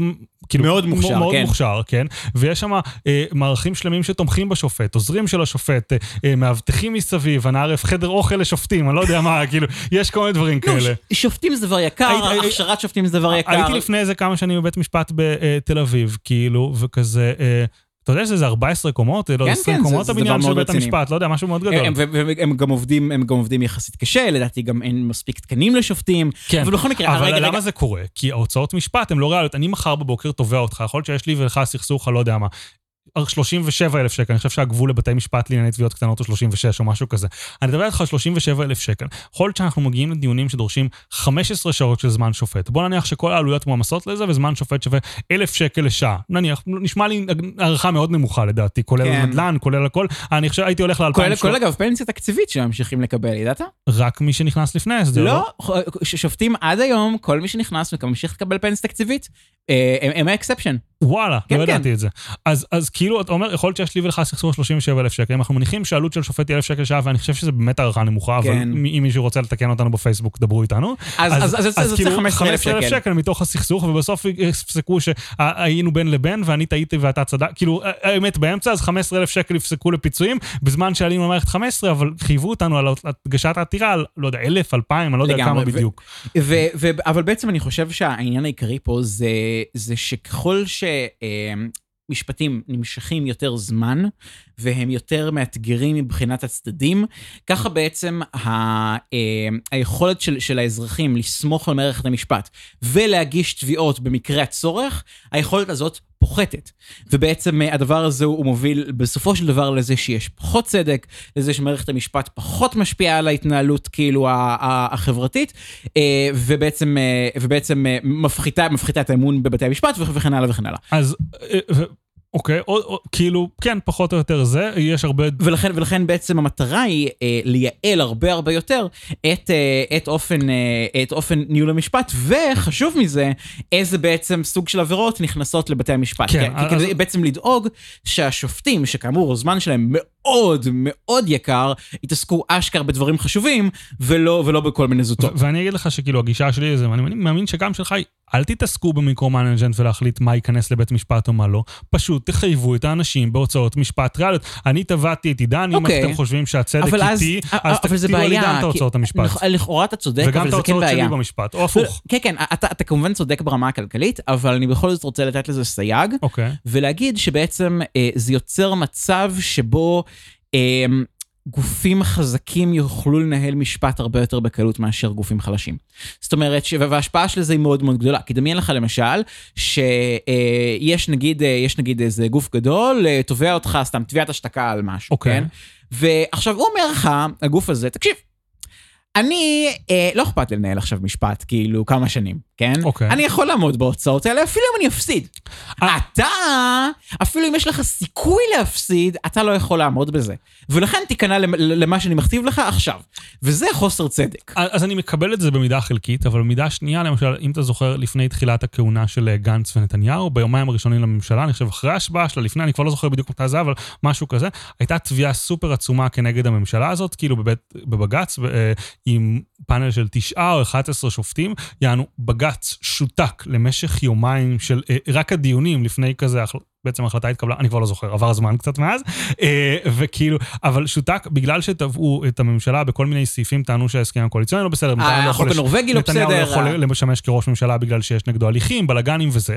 עכשיו, חלק מהסעיפים שם היה בהם מידה של היגיון. סעיפים אחרים, אבל אם היית שואל אלף עורכי דין, לא היה חמישה שהיו חושבים שיש איזשהו סיכוי לתביעה. ובמקרה אגב, כזה, לך- תשיתו עלויות של 100 אלף שקל ותעיפו אותם מכל המדרגות על הסעיפים האלה. במקרים, במקרים האלה אני מצדיק, אני, אתה צודק לגמרי, ואני אפילו אתן עוד דוגמה לזה. אה, ממש לא מזמן, ממש לפני כמה ימים, היה פסק דין אה, נגד, אה, נגד, אה, נג, כאילו... חוק הלאום? לא, לא, לא, לא. Mm. היה פסק דין לגבי עתירה של קריים מיניסטר נגד. נגד הדובר של בוז'י הרצוג. כן. למה, למה, למה, מה- מה התביעה? הם לא אוהבים אותו. כן, בגדול. בגדול. הוא, הוא, זה. הוא, היה, הוא היה דובר של נתניהו, והוא הסית ופילג והדיח ו- ושיסה ו- וכן הלאה. עכשיו, דובר זה משרת אמון אישית שלא מחויבת למיטב ידיעתי בכמעט. כלום. כאילו, אתה יודע, הוא מניח שהוא צריך לחתום על תקנות שירות, יכול להיות שגם זה לא, כי הוא דובר של הנשיא, אני לא יודע בדיוק, אבל כאילו... אבל בכל מקרה, אבל- אין, אין, אין, אין, לא היה לזה שום סיכוי. הדבר הזה היה בזבוז זמן מוחלט של כל המעורבים בדבר, של כל עורכי הדין, של כל השופטים, של כל ה... אה, אה, זה, ובכל זאת הדבר, הדבר הזה הסתיים בהוצאות של 5,000 דרך שקל על קריים מיניסטר. אני אגיד לך שאנחנו... רגע, רגע, ולמה 5,000 ולא 50 אלף? למה לא 500 אלף? לא, הגזמת, אבל... למה הגזמתי? לקחו זמן של שופטי בג"ץ, לא שופטים רגילים. כאילו אם אנחנו משווים אותם להייטקיסטים, בג"ציסטים, זה מנכ"לים של חברות, משהו כזה, כן. לא מנכ"ל, זה VC, זה כזה אנשי עובדי VC, כזה שותפים ב-VC. יש 16 בכל המדינה. לא, 16 זה בתקינה מלאה, לדעתי אנחנו פחות, לא מינו את כולם, אני חושב. יכול להיות. אני קראתי 16, אבל כאילו זה. אז... אז אנחנו חושבים שצריכים להעלות את ההוצאות באופן כללי, נכון, יש לנו ויכוח אבל... על המידה שצריך נכון. להעלות את זה, אה, בגדול. עכשיו, כי זהו, כי, כי, כי יש פה בכל זאת אה, כן שיקול של בעצם אה, להנגיש את מערכת המשפט גם לגופים קטנים יותר. אבל השאלה, רגע, רגע, רגע, רגע, ו, וחלק מהדרך לעשות את זה, של בעצם לאפשר גם לגופים קטנים וחלשים יותר כלכלית, להשתמש בשירותי המשפט של מדינת ישראל, זה בעצם אה, אה, להפוך את המשפט לזול יותר ויעיל יותר. ו, ו, ו, וזה הדברים שמנסים להתעסק בהם פה בחוק ההסדרים. אבל כאן אני אגיד, אני לא מאמין שאני לוקח את הגישה של עידן בדיון הזה והוא לוקח את הגישה, כאילו בדרך כלל עידן קצת ממוקם ימינה ממני בדיון הכלכלי, ואנחנו כאן קצת הפוכים. נכון. אבל כאילו, כאן הייתי אומר, אם המערכת כל כך לא יעילה וכל כך בעייתית וגוררת את הדברים, למה לא קמות לאלטרנטיבות בשוק החופשי? והסיבה שלא קמות לאלטרנטיבות בשוק החופשי, כי אנחנו מסבסדים את המערכת הזאת ונותנים אותה חינם במקום לתת אותה בעלות. עכשיו, אם הדיונים, אם הם מטילים עליהם, לא יודע, 500 אלף שקל, יכול להיות שהיה קם גוף שהוא בית משפט חיצוני יעיל, שהמדינה מכירה בו, ומדינת ישראל מוכנה לקבל תביעות כנגדה בבית משפט פרטי. אני נותן לך כאן איזושהי okay. אוקיי. אידיאליזציה כזאת, okay. אני לא אוקיי. בטוח שזה יקרה. אגב, אתה יודע שיש דבר כזה. שנותן שירות יותר מהיר, אבל היא הייתה מוכנה להיתבע במקום בבג"ץ בבית משפט פרטי. זה המדהים, לא? אתה יודע שיש דבר כזה, אה, זה נקרא בית המשפט לדומיינים, של אה, איגוד האינטרנט הישראלי, בית משפט פרטי. אה, שהרבה מאוד הרבה מאוד חברות וגופים פרטיים בוחרים לפנות אליו במקום לבית המשפט המחוזי. יש במדינת ישראל כבר בתי משפט פרטיים, למשל אתה רואה את זה במפלגות, למשל אני כחבר ליכוד, נכון, אז אם אני רוצה... יש להם בתי דין פנימיים, כן.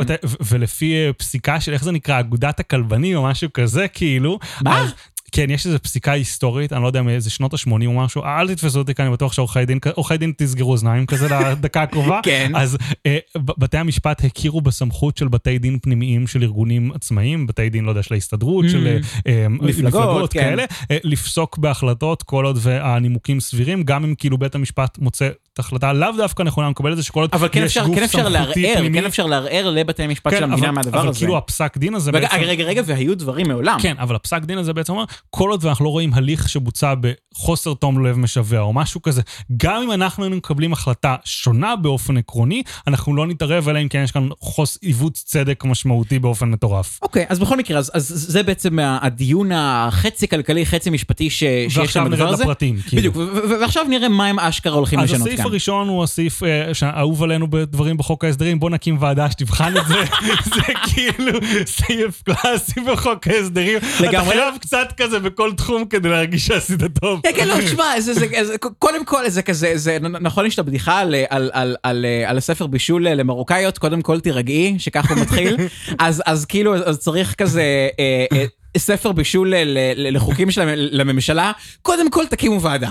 עכשיו, דרך אגב, שוב, אני חושב שזה דבר טוב, נראה לי גם אמרתי את זה פעם קודמת שהתייחסנו לזה, אם כי אני אמשיך לצחוק על זה למרות נכון, שזה דבר טוב. נכון, אה, אז כן, אז תהיה ועדה בראשות אה, אה, משרד המשפטים, הנהלת בתי המשפט, משרד ראש הממשלה, נציג אגף תקציבים, כי זה בשביל משרד האוצר, אז הם רוצים להכניס את עצמם לזה, כן? טוב שהם לא שמו אותם בתור ראש הוועדה. כן, אה, ונציג אה, מתחלף, שהוא אה, השר שעומד בראש, בראשו, הוא השר הממונה על ביצוע החיקוק, אה, שבמסגרתו נקבעו העבירות, אני מניח למשל אם רוצים לדבר על עבירות תנועה, אז שזה יהיה משרד התחבורה, דברים כאלה. מה שמביא אותנו לסעיף הבא. כן. רוצים להעיף את עבירות התנועה מבתי המשפט הרגילים, ופשוט כן. לעשות איזה רשות כזאת שתדון בזה. עכשיו, סך הכל אני אני לא איזה משפטן, ואני מניח שיש, אתה יודע, דיונים ברומו של עולם על מה צריך להיות בבית משפט ומה לא, אבל זה דברים די סטנדרטיים, עבירות תנועה, טענות די סטנדרטיות. אם יש לך משהו יוצא דופן, אז תערער את ההחלטה שלו לבג"ץ או whatever, אני לא יודע, כאילו בית משפט לעניינים מנהליים, ובואו בוא נשחרר את המערכת מכאילו... לגמרי, ובעצם זה חלק מהאג'נדה שגם גדעון סער הכריז עליה כבר בזמן הקמפיין, אה, שבעצם, אה, של לעשות אה, לחוק הישראלי. היום עבירת תנועה נחשבת פלילית? אה, לדעתי כן, בהמון המון מובנים כן. תשמע, תקשיב, כן. אתה עולה אתה עולה לאוטובוס ומקריא לך הכרוז שאי תיקוף כרטיס מהווה עבירה פלילית, ואני כאילו מקשיב, ואני כזה, רגע, למה? כאילו... דרך אגב, משהו שמעצבן אותי בתחום, תמיד יש את כזה אה, נהג כזה, לא יודע, עשה תאונה, ואז כתוב בעיתון, הוא עשה איזה 7,000 מיליארד עבירות קודם, ואני כזה תמיד חושב לעצמי, אבל הם לא אמרו כמה הוא נסע קודם, יכול להיות שכאילו בן אדם שנוסע, לא יודע, אה, לי, לי היה דוח אה, פעם, פעמיים לדעתי על זה שחניתי במקום לא תקין או משהו, אני מניח שזה לא נחשב עבירת תנועה, אני לא יודע בעצם, אבל כאילו, אבל אבל... זה, זה באמת עבירה מנהלית כבר אם, היום. אם, נסעתי, אם נסעתי מעט, כאילו, אז זה יקרה פחות. נהג של חברה מקצועית שנוסע 10 שעות ביום, יש סיכוי שיהיה לו הרבה יותר עבירות תנועה לאורך 30 שנה מאשר המאזין הממוצע שלנו שומע אותנו, אני מקווה שעה וחצי ביום בדרך כן. לעבודה, אה, פחות או יותר. בכל מקרה, עוד, עוד דבר אה, מאוד מאוד חשוב שהולכים לעשות, הם הולכים אה, אה, להתחיל אה, סוף סוף אה, להעביר את הדיונים שלא יהיו רק פיזיים, אלא יהיו גם אה, בזום. לא. זה, זה סעיף אחר. אז מה זה- כאן- מה זה מה זה פרוטוקול דיונים מוקלט? היום בכל בית משפט בישראל אה, יש לך בעצם אה, קצרנית, קצרן, קלדן, נכון. משהו כזה, ובעצם אומרים, רגע, אנחנו, לפי מה שהם כותבים בחוק, אנחנו בין המערכות המשפטיות היחידות שעושות את זה, אה. וזה עולה הרבה כסף. אפשר פשוט לשים הקלטת אודיו, אולי הקלטת וידאו, אני Hmm. לא, אני חושב שהם מדברים על אודיו, אבל אני לא בטוח לגמרי, כי כאילו, הניסוח להאזין, אז זה. הקלטת- זה הקלטת אודיו. אה, כן, עכשיו עשו לי סימנים שאני לא מקליט אודיו כמו שצריך, ולא הייתי מול כן. המיקרופון כרגע. speaking of הקלטות אודיו. כן, אבל, אה, אבל בגדול ממש, ובעצם זה יוצר עיכובים לפעמים, אה, לפי מה שכתוב בחוק, בזמן שכאילו אה, פשוט צריכים לחכות שהקלדן יקליד, ואני כזה אמרתי, אין מצב שזה מה שקורה. אז דיברתי מבעוד מועד, כמו גם בתוכניות בישול, עם חבר עורך דין, ושאלתי אותו, ושאלתי אותו האם זה באמת אמיתי. הוא אמר לי שכן, הוא אמר לי שיש לא מעט פעמים שמבקשים הפסקות תוך כדי המשפט לשנייה כדי שהקלדן ישלים את הדברים. הוא אמר לי שיכולים לעשות לך כזה, אתה יכול להיות באמצע כזה אה, טענות מאוד קשות, ואתה צריך את האינטונציה, והתארגנת על זה, ואז פתאום עושים לך כזה, עצור, ואתה כאילו מאבד את כל המומנטום שלך אה, וזה. אשכרה? או יותר מזה, אמרו לי שכאילו גם יש קטע שהשופטים, או הרבה מהטועני טענות, התחילו לדבר במהירות. בקצב הכתבה? כן, בקצב הכתבה, במיוחד בשביל זה, כדי לעשות את זה. והדבר האחרון... אוי, אמרו- זה בטח מעכב הכל נורא. לגמרי, והדבר האחרון אה, זה שכאילו אמרו לי שגם אה, בגלל שיש להם איגוד, אז לפעמים צריכים לעצור את המשפט בשביל חילופי משמרת. או, וואו. אז כאילו, אז פתאום אתה גם חוסך את האנשים שם, שכנראה עולים עלות מסוימת של כן. כסף ככל העניין. וגם אתה ככל- מאיץ פיזית את כן. ה- את המשפט. ו- וכנראה, לא יודע, ב-95% מהדיונים, כנראה לאף אחד לא אכפת ממה שהולך בפרוטוקול. ב-5% האחרים כן. אולי זה קריטי, אבל אז כאילו... זהו, אז, אז לפי, לפי החוק שנאמר פה, אז אומרים תקליטו את ה- את המשפט, we have the, technology, ואם בעל דין יבקש במיוחד הקלטה בכתב, אה, כאילו אה, תיעוד כן. בכתב, אז, אז בית המשפט ידאג שמישהו כאילו יישב ויקשיב ויתמלל את זה. כן. שזה נשמע פתרון כל כך, sense כל לגמרי. כך יותר טוב, כן. כן. הסעיף הבא הוא גם אה, סעיף חמוד. הוא בעצם, אני קורא לעשות, לעשות ביטוח לחברות הביטוח. כן, אה? כי הרעיון מאחוריו הוא כזה, היום יש המון דיונים בין החברות ביטוח בינן לבין עצמן. בבתי המשפט. בבתי המשפט על תביעות אה, רכוש, לא תגיד כאילו מישהו נפגע או דברים כאלה, לא יודע, רכב נדפק ברכב וכזה. כן, ואז מחלק- החברת ביטוח שלי טובת החברת ביטוח שלך, כן, וכן. ואז מה שאומרים כאן זה בעצם, אה, בגלל שזה חברות ביטוח ולא איזה אדם שכאילו פרטי ו- וזה שתובע הכל פעם כל כך אחת, סטנדרטי באיזשהו כן. שלב. אז בוא נעיף את זה לכדי בוררים חיצוניים, עורכי דין מעל שבע שנים כניסיון או משהו כזה בגדול. אה, שימונו על ידי שר המשפטים וזה, ובעצם לפסיקה שלהם תהיה אה, מעמד של פסיקת בית המשפט השלום. הם לא יחויבו באותם דברים, ויהיה אפשר לדון על זה מחדש אם מישהו ירצה לערער וכדומה, אבל בעצם ההנחה אבל, היא... אבל, אבל, זה, אבל זה אמור לחסוך איזה, אני אמציא, כן? אבל זה אמור לחסוך איזה 90 אחוז, כאילו, מהדיונים בבית המשפט, ממש על זה. אז בעצם ההנחה של מה שקורה כאן, כי לא...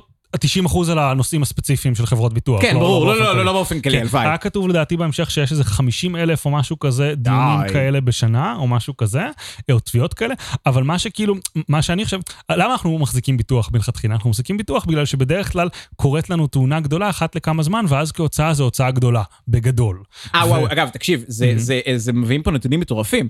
אה, הם אומרים פה שעלויות ניהול התיק, ב- שעלויות ניהול תיק אה, כלכלי בישראל נאמדת ב-25.3 מעלות החוזה.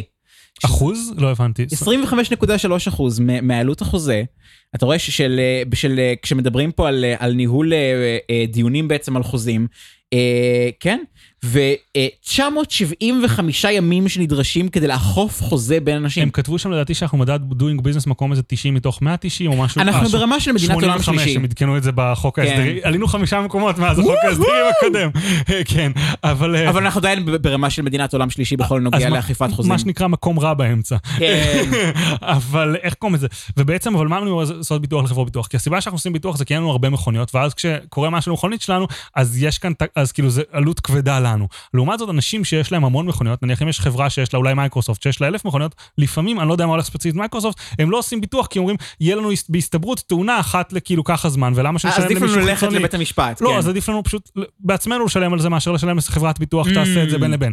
ואז אני אומר, פה חברות הביטוח הן טובות אחת לשנייה על ימין ועל שמאל. אז פעם בכמה זמן בוא נניח שהבורר קצת פחות טוב משופט. אז פעם אתה מרוויח מזה ופעם אתה מפסיד מזה, ולמי אכפת כאילו מה, אתה יודע, כאילו בתמונה הגדולה זה לא משנה לאף חברת נכון. ביטוח או משהו כזה. אה, ועוד סעיף זה דיגיטציה של ההליך הפלילי, ממש אה, דיברנו אה, לפני רגע על אה, הקלסרים האלה. רגע, אבל שים לב, שוב, לדבר המעניין כאילו כאן, כאילו המדינה עכשיו הולכת לשלם לספק חיצוני, בורר, כדי שיעשה בוררות בין שני אנשים, והיא עדיין לא מגישה להם את החשבון, אלא הם עדיין משלמים איזה סכום מזערי ביחס לעלות של שעת כן, עבודה זה שלו. נכון. שזה בכלל פסיכי בעיניי.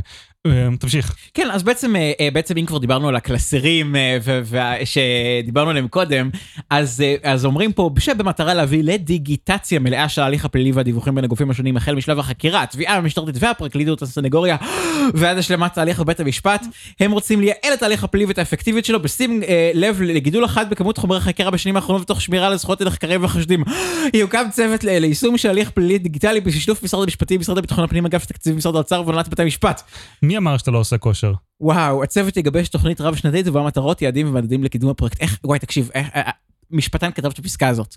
אין שום סיכוי, שום סיכוי, ש, שפקיד של משרד האוצר כתב את המשפט הזה, רק משפטן יכול לכתוב פסקה שלמה, שהיא כולה משפט אחד. אבל לדע- אני חייב להגיד שלדעתי כאילו את הכל כזה, פקידי האוצר כזה, או, כאילו, אה, אתה יודע, בבה"ד לא, אבל, אומרים- אבל צורת הכתיבה הזאת, לא, אני חושב, פקידי האוצר, את הכל כאילו, הם, הם נותנים את החזון, ואז משפטן כותב את זה, לא? אני לא רוצה... נראה אה, לי. לא, לא, לא אני נראה לא? אני לא חושב, אני לא חושב שזה... אוקיי, יכול להיות האמת, אבל, אבל, פה, אבל פה הדבר הספציפי הזה, זה, זה ניסוח כל כך משפטני. אוקיי, חוזרים לבתי כלא, או, סביב, יאללה. או לתפר בין בתי כלא לבתי כן. משפט. אה, עריכת דיונים משפטיים באמצעות היוועדות חזותית, יענו, מביאים את הזום לבתי המשפט. כן, אגב. ש... ש, ש אה, טוב, לא, לא משנה, רציתי אוקיי. לתת דוגמה, אבל זה לא, אבל זה לא קשור. בגדול זה קרה בזמן הקורונה. כן. אה, ועכשיו רוצים להפוך את זה להסדר שהוא יותר קבוע. אני יכול להגיד לך על זה בעצם, בעצם הטענות כאן אומרים שיש מערך, יחידה בשם נחשון של שירות בתי הכלא, שיש בה 1,100 עובדים, ובכל יום עושים איזה 2,500 אה, הסעות של עצירים הם בגדול. לוחמים אה, בשירות אה, שירות בתי הסוהר. אני חושב שכל, כאילו, לא הבנתי, היחידה הזו זה לא היחידה שאחראית רק על הובלת היא אסירים? כן, היא אחראית על הכל, היא אחראית גם על ה... גם על ה אה, היא אחראית בעצם על, על, על האבטחה של האסירים, של, אה, של למנוע אה, הימלטויות ולשמור על הביטחון שלהם. נגיד, סתם, יש לך איזה אסיר, וחושדים שהוא הלשין על ראש המאפיה, אז באים להתנקש בו, כן? אז הם צריכים לשמור עליו. אז הם עושים גם, הם כאילו עושים גם את האבטחה של הנסיעות וגם את האבטחה של נכון, בתי סוהר. בדיוק. למה לא הייתנו אף כאילו ניסיון של אסירים כזה לעשות הפיכה בבית סוהר אף פעם? היה, מתי? בכלא 6, מתי? בניינטיז. אה, נכון, זה היה, אבל, כאילו, אבל זה לא היה של בתי, של השב"ס, זה היה של הצבא. נכון, זה- זה זה- היה של אה, הכלייה הצבאית, כי פח אשפה. הם השתלטו איזה שלוש, שלושה ימים על זה, נכון? היה כן. איזה משהו כזה. היה מטורף. בסוף, אה, תקשיב, בסוף היו צריכים להגיע איתם לעסקה. כמובן שהפרו את, את, את החוזה, את, את החוזה כאילו שחתמו איתם כאילו בככה, אבל, אבל עדיין היו חייבים להגיע איתם לעסקה כדי שיפנו את הכלא.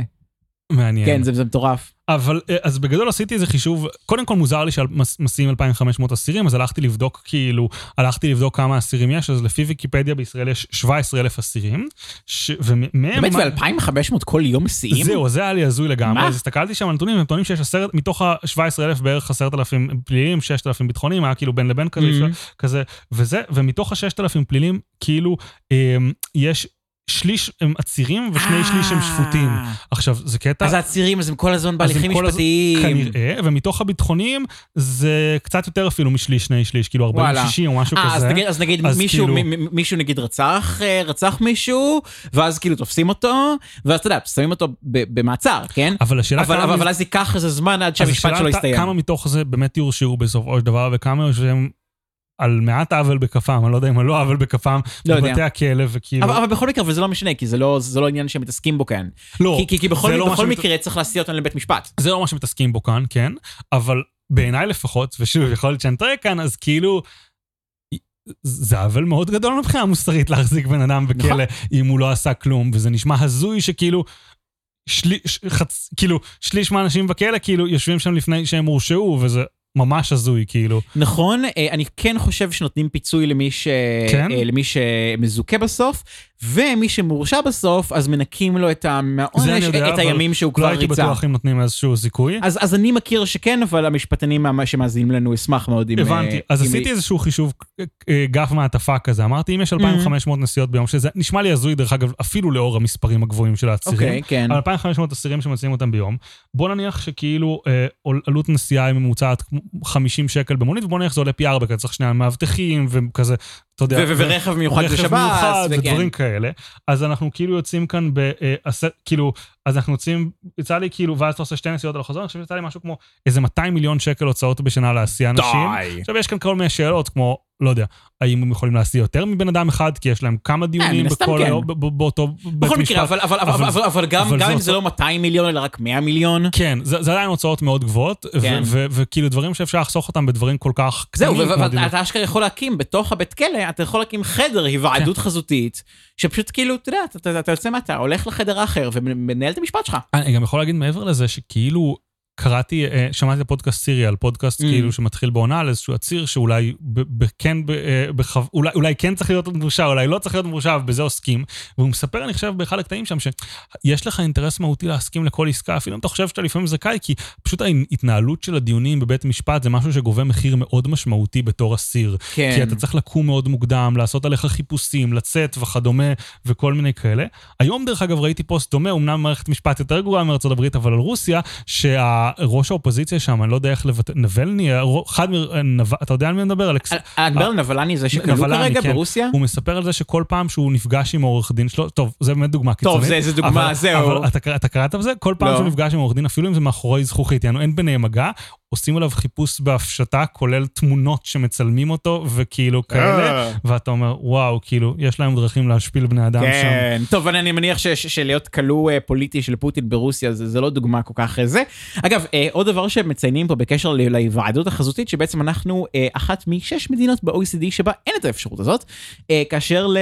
סליחה, לא ב-OECD, ב-CEPEJ, שזה הארגון האירופי להשוואת יעילות במערכת המשפט, אז ב-40 מתוך 46 יש אה, היוועדות חזותית אה, מאוד מאוד פשוטה, ואצלנו לא, אז רוצים להסתנכרן עם באמת כאילו, המקובל. יכול להיות שזה נובע מזה שפשוט כאילו בארגון האירופי כולם כפופים לרגולציה אירופית, וברגע שהעבירו את זה אז כאילו 20 מדינות בו זמנית קיבלו את זה, אני לא יודע. לא יודע. אבל, אבל בכל מקרה רוצים אבל-. להסתנכרן עם המקובל וחשוב בעולם. להגיד שכן עשינו את זה במהלך הקורונה, כאילו, וזה.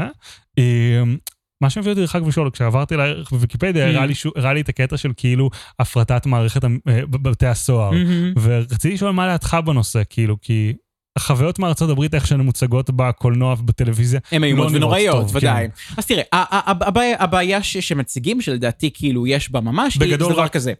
היום כל בתי הסוהר בארץ הם בבעלות המדינה, יש מדינות אחרות שנותנות לחברות פרטיות לנהל את זה ולהתחשבן על, בין בתי הסוהר. נכון, למדינה. בעצם, בעצם ההצהרה היא, שההצהרה ש, ש, שמציגים, זה שבעצם זה יוצר מצב שיש תמריץ כלכלי, אה, בגלל, ש- אה, יש תמריץ כלכלי ל- לבתי הסוהר הפרטיים האלה להכניס אנשים לכלא. כי הם כי בדרך כלל בעצם- מקבלים per יום בכלא. בדיוק, הם מרוויחים per אסיר, ככל שאגב האבטחה של האסיר יותר גדולה, ככה הם מרוויחים יותר. אמ, ובעצם הדבר הזה הוא מייצר, הוא מייצר לובי חזק ל- למען, אה, אתה יודע, minimum sentencing וכל מיני דברים אה, איומים ונוראים במערכת המשפט האמריקאית. אני- אה, עכשיו, אתה יודע מקרה אם יש עדויות ממש להעברת כספים שלהם ללוביסטים לתחומים האלה? אני יכול להיות, אבל לא מכיר. אוקיי. אז תגגלו אני את זה. מניח שכן, בדיוק, כן. כן, מן הסתם תפסו לפחות מקרה אחד כן. כזה. אמ, אז כן, אז אז זה בעצם בעיה ש- שמציבים. אה, כן שווה לציין שזה פשוט בעיניי לא ייחודי לכאילו לביקור חוץ כזה. אגב, ביקור חוץ, לא הפרטה, כי כי זה לא שאתה יודע, אתה אתה יכול עכשיו להיבחר על פי איזה מערכת משפט ישפטו אותך, כן? זה כן. כאילו עדיין זו אותה מערכת משפט, אותו- אותו- אותה כליאה, אותו הכל, פשוט את הביצוע עושים ביקור חוץ לחברה. אבל רגע, אני רק אגיד שבעצם הדבר הזה הוא נכון גם כשיש מערכת ממשלתית. כי גם המערכת הממשלתית רוצה תקציבים, גם המערכת הממשלתית רוצה ג'ובים, גם המערכת הממשלתית רוצה לנפח את עצמה. ולראיה, שב"ס באמת, אה, יש להם מערכת מאוד מאוד מנופחת ביחס ל, אה, לכמה, ש, לכמה שמקובל, ועכשיו נגיד רוצים לצמצם אבל את כוח זה האדם בגלל שלהם. שהם בבתי כלא מאז המנדט הבריטי, אם היית מקשיב כן. לפרק שלנו, היית יודע. כן. אבל כאילו, אז אולי השאלה היא בעצם, אתה יודע, יש את הטענה הזאת הרי שככל שאתה מודד את עצמך במדד מדיד, אתה תמיד תשנה כאילו את הדברים. אז כאילו ככל שהתמריץ שלך הוא באיזשהו, תמריץ על פי משהו, תמיד יהיה יהיה אינטרס, ל, לא יודע, אם התשלום להם הוא קבוע, אז התשלום, אינטרס אולי להוריד את מספר האסירים. אם התשלום הוא כאילו פר אסיר, האינטרס הוא להעלות אגב, מספר אגב, האסירים. זהו, אז אז אני רוצה אז- להגיד ש- שבאמת יכול להיות בעייתות, בעייתיות מאוד מאוד גדולה במיקור חוץ כזה של בתי הכלא, אבל אני לא חושב שזה פסול, מה שנקרא, מעיקרו. אני חושב שלמשל, אה, מערכת תמריצים נכונה יותר ל- ל- לאותם מפעילים אה, חיצוניים, אגב, או, או למערכת הממשלתית, שנגיד להפחית אה, רצידיביזם, זה, זה, זה, זה המילה? הש- חזרה של- חזרה לפשיעה, כן, דיברנו על בדיוק. זה לדעתי באחד נגיד ש- הפרקים שזה הקודמים. בעצם כמה אחוז מהאסירים אחרי שהם השתחררו מהכלא, אה, ביצעו עבירה שמחזירה אותם לבית הכלא, זו תופעה מאוד מאוד קשה בכל העולם. אה, אבל בוא נהיה כלכלן מרושע וזה, אני. אגיד לך שאולי הם פשוט יממנו אה, הגנה משפטית לאסירים שלהם נו, שהם שחררו. בסדר. זה, זה, זה, זה אני חושב כבר יותר מדי farfetched, אבל, אבל הפואנטה שלי היא שלגמרי, באמת יש פה, עלולה להיות בעייתיות מאוד מאוד גדולה מבחינת תמריצים, אני פשוט חושב שזה יכול להיות פתיר. אה, אז אין, אז, אז אין, אני, אתה יודע, בתור, בתור ליברל שכן רוצה באופן כללי, אתה יודע, להפריד דברים ו, אה, וכן הלאה, אני לא רואה איזה יעד מאוד מאוד גדול דווקא בהוצאה למיקור חוץ של בתי כלא, אבל אני גם לא רואה בזה איזה ייהרג ובל יעבור. כן, בוא נגיד יש דברים שהיינו רוצים להפריט קודם. כן, אבל- או, או איזה מאה דברים קודם, כמעט כן. כל, אבל כאילו, סתם, on top of my mind, אני מניח שאנשים חכמים מאיתנו עסקו בזה, כאילו, אפשר פשוט לשמור על מערכת היברידית, חצי ממשלתית וחצי לא ממשלתית, ולעשות שכאילו, יש לך כמות קבועה של בתי כלא, כאילו, שכמות האסירים ב... שהבתי כלא הממשלתיים מהווים buffer Mm. לכמות האסירים בחברות הפרטיות, ואז אתה שומר שתמיד יהיה להם אלף. אם יש, אם, אם יש אוקיי. הפעם 1,200 במערכת, אז ה-200 אצל החלק הממשלתי, ואם יש 1,100, אז ה-100 אצל הממשלה. טוב, אבל, אבל, זה, אבל אני. מניח שזה פשוט, אתה יודע, זה תלוי כאילו, אתה יודע, איזה מין בתי כלא אלה, כן. ומי הולך אליהם, וכן הלאה. אתה יודע, אה. ומן הסתם גם בארצות הברית זה הרבה יותר מסובך, כי יש לך איזה חמש רמות שונות של כאילו, של אה, ערכאות משפטיות, וסטייט, ופדרל, וקאונטי, אה, וכל הדברים האלה. אז בואו נסכם את הפרק. כן, יאללה. טוב, אז וואו. קודם כל היה כיף לראות את חוק ההסדרים החדש, זה כן. תמיד מרגש. אני חושב שעשיתי ציוץ בטוויטר, שאני חושב שגם הצחיק אותך, Mm. על זה שזה ממש מבאס שמפרסמים את כל חוק ההסדרים בפעם אחת, כי אז כן. אין לך מספיק קשב תקשורתי כדי לעוף על כל ממש. הרפורמות בו. לגמרי, ש- היו צריכים כאילו למנן את זה ולפ- ולפרסם כל פעם פרק אחד, כאילו פרק בשבוע, עד שמעבירים את התקציב. שזה כאילו מצחיק, זה כאילו, כי, כי הרי כל המטרה היא שלא יהיה קשב תקשורתי כן. ויוכלו לעשות הרבה דברים בלי שקבוצות הלחץ יוכלו להשפיע בהן. מה שנקרא, מה שנקרא, זה לא באג, זה פיצ'ר. כן, אנחנו היחידים שכנראה מתלהבים מחוק ההסדרים במידה הזאת. אבל, אה, אז בעצם חוק הסדרים חדש, מרגש מאוד. היום דנו על אה, פחות או יותר שלושה דברים בחוק ההסדרים, או ארבעה או משהו כזה. אה, התת-נושא הראשון זה ביטחון, פחות או יותר. נכון, שזה את, זה- זה- אה, שזה בעצם השקיפות ש- ב- אה, במערכת הביטחון. החתול והעכבר בין משרד האוצר למשרד הביטחון בעצם, לגבי אה, אה, האם מישהו יוכל לבקר את המערכת מבחוץ. אני חושב שבאחד הפרקים העתידיים, בתקווה, אם נצליח, נביא איזשהו מישהו שהיה ביועץ הכלכלי לרמטכ"ל, יש שם מהמם. המון דברים ש... לגמרי, דברים מרתקים ממש. שכדאי להוציא החוצה, כי השקיפות תעזור להם. כן. הדבר, הדבר הבא שהתעסקנו בו זה בעצם אה, איזון ושיפור מערך הרגולציה ברשות הכבאות וההצלה, שזה בעצם העדכון ל- ל- ל- לרמה מודרנית של הרגולציה שבעצם מוטלת היום אה, בתחומי הכבאות וההצלה על עסקים. ב- בעצם היה כאן איזשהו חלק של המשרד לביטחון פנים, שזה הכיל גם את זה בערך פחות או יותר, אה, וגם את ה... אה, נו, ו- וגם את ה- אה, כל- מע- מערך הכליאה פחות או יותר. דרך אגב, משהו שהיה בחוק הקודם והורידו אותו מהחוק הזה באופן מעניין, היה לגבי המשטרה שטענו שאיזה 40% מסוגי בתי העסק שרוצים לפתוח, צריכים לעמוד במפרט של המשטרה, באמת? לאיך שנראה בית העסק מבפנים, כדי לוודא שיהיה קשה לגנוב מהם. מה שמעלה את השאלה בעצם... כן, זה אינטרס של אה, מי זה? זהו. אז אה, גישה אחת לזה, דרך אגב, שכאילו גישה היא כזאת אומרת, מה זאת אומרת, האינטרס של בעל העסק כן. יגנבו ממנו, וכאילו, אז למה, אז הוא מלכתחילה יעשה ממנו את זה. גישה אחרת, חשבתי עליה אחר כך, אני לא. אומר שאני מסכים איתה, אבל אם אנחנו מתייחסים למ- למשטרה כמו סוג של חברת ביטוח, אז אולי יש תנאים מינימליים שצריך בשביל הפוליסה לעמוד בה, כאילו. כן, אבל, אבל, אבל זה לא בדיוק אותו דבר, כי זה לא שאתה יכול לעבור למתחרים אם כאילו מעמיסים עליך דרישות מוגזמות. אני, אני מסכים, אבל סתם איזשהו זווית להסתכל לא, על זה, זה. זה, זה, זה ו- גם זווית, נכון? ו- ו- אה, אבל אני חושב שבמובן הזה המורל הזארד פה הוא לא, הוא לא מאוד נוראי, כי באמת האמת שבעל העסק לא מה רוצה זאת אומרת, שיגנבו אני ממנו. אקים עסק, אני לא אשמור עליו בכלל, יש לנו משטרה בטח, מדהימה כן, במדינת אבל- ישראל. בטח המשטרה תשמור עליי כן. ויחזירו לי את כל הגנבות שלי, מה, אין, שום דבר אז לדאוג אולי אתה ממנו. חושב שצריך להכריח אנשים לעשות ביטוח? כן. כי כאילו, כן, ממש ככה. רגע, ואם אני משלם, אבל, אבל אז הם לא יקבלו, אם אני משלם נניח לאיזה חמולה שתבטח לי את העסק, אז אני מניח שהמדינה לא תכיר בזה, נכון? כן, היא לא מכירה בזה, אבל אתה יודע, זה די המצב היום. היום ראיתי ציוץ שמישהו כתב שצריך. להפוך פרוטקשן להוצאה מוכרת. לא, אתה צוחק, אתה צוחק, אבל, אבל ארגוני הפרוטקשן כבר עשו את זה לבד. כן? איך הם עושים את זה? לא, זה מטורף, תקשיב. אוקיי. איך, איך, איך גובים פרוטקשן בישראל, אוקיי? גובים? יפה. עכשיו, הקלאסי זה פשוט, אה, זה פשוט לבוא ולקחת מזומן מה, מהבעל עסק, אבל אז אתה אומר... זה כל כך שנות ה-80. בדיוק. היום מה שעושים, אתה בעצם מכריח אותו לשלם לחברת שמירה. אוקיי. אוקיי? וחברת השמירה היא בעצם מעסיקה כל מיני low ranks כאלה במאפיה, כן? ואז בעצם הם מעבירים את הכסף ל- ל- למאפיה, וככה, בגלל שאתה בעצם, בגלל שעכשיו זו הוצאה עסקית, אתה יכול להזדכות על זה מול מס הכנסה. אז מה שמעניין פה, זה שלצורך העניין בתקציב הביטחון, משרד הביטחון זוכה ומשרד האוצר מפסיד, אבל מסתבר שבפרוטקשן רשות המיסים מנצחת וארגוני הפשיעה מפסידים. יענו, רשות המיסים חזקה מהמשטרה. כן, זה, או, טוב, זה, זה מה שנקרא, לא היינו צריכים את הפרק הזה כדי לדעת את זה. כן. אבל כן, אבל, אבל רק אה, המאזינים שלנו מאוד כדאי שידעו שהיום אה, אה, פרוטקשן זו הוצאה מוכרת במס. אם מישהו רוצה לפתוח חברת פרוטקשן ולסבסד לנו פרסומת בפודקאסט, אפשר להכניס פה. זה כזה, אה, כן, אה, חברת הפרוטקשן אה, אה, תספק לכם שירותי הגנה ותדאג שלא ישרפו לכם את העסק המאוד מאוד יפה שיש לכם, חבל עליו. הוצאה מוכרת במס. זהו, למה הם הולכים לשיטות פרסום כאלה ישנות? למה לא בפייסבוק, דברים רידרקטים? איך קוראים לזה? אז אה, המשכנו בעצם למשרד לביטחון פנים, דיברנו שם על הקטע של, כבאות, המשכנו לקטע של אה, כליאה, אה, בניית מתקני כליאה חדשים כדי להעלות את רמת החיים, דיברנו על דיונים בבית המשפט והסעה עליהם, והקטנת, זה כבר עברנו למשרד המשפטים. אה, דרך אגב, מה שמעניין שבחוק ההסדרים הקודם זה היה תחת אה, אחד, מה שהיה אה, דיונים בבית המשפט לעתיד תחת היה המשרד לביטחון פנים, והפעם זה תחת המשפטי או משהו כזה, אם אני לא אוקיי, טועה. יכול להיות. Um, ובמשפטים בעצם, כדי להקטין את העומס על מערכת המשפט, עושים כמה דברים, מקימים ועדה, מעבירים תביעות על עבירות תנועה לכדי מערכת חוץ-משפטית, כאילו אגף ממשלתי חוץ-משפטי, תביעות על, בין חברות ביטוח ובין חברות ליסינג יעברו לכדי בוררים. היה שם עוד איזה משהו או שניים, אני חושב. ו- אה, ובאופן כן. כללי, השאיפה הכללית היא להגביר את היעילות ואת המהירות שבה משפטים אה, מתבצעים בישראל, וכל הדבר הזה, כל הדבר הזה, היה 20 עמודים מתוך 293 עמודים בחוק ההסדרים הקרוב, שיהיה לנו בהצלחה. אז כן, אז אפשר רגע לשאול האם אנחנו כאן התקדמנו 40 עמודים קדימה כי קפצנו מ-80 ל-140, או שחזרנו אחורה כי הוסיפו 80 עמודים לחוק ההסדרים. זה ליטרלי תפוחים ותפוזים, כאילו, מה שאתה שואל פה, אבל כן. וואו, אז, אז- אה, כן, אז תודה רבה שהאזנתם. אני הייתי עידן, הוא היה רועי, אה, ותודה לפודקאסטיקו אה, שמפיקים לנו את הפודקאסט.